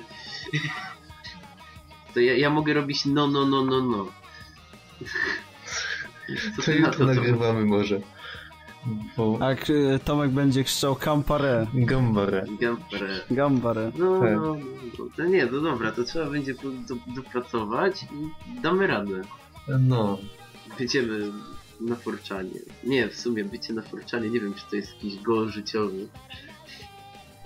Chyba nie. Jak nie, jak tak. Bycie tematem forczana to jest gol życiowy. tak. Tylko nie wiem czyj. No dobra, e, to w sumie tyle co mieliśmy do powiedzenia, prawda? Zadziwiająco dzisiaj No, na dzisiaj. krótko.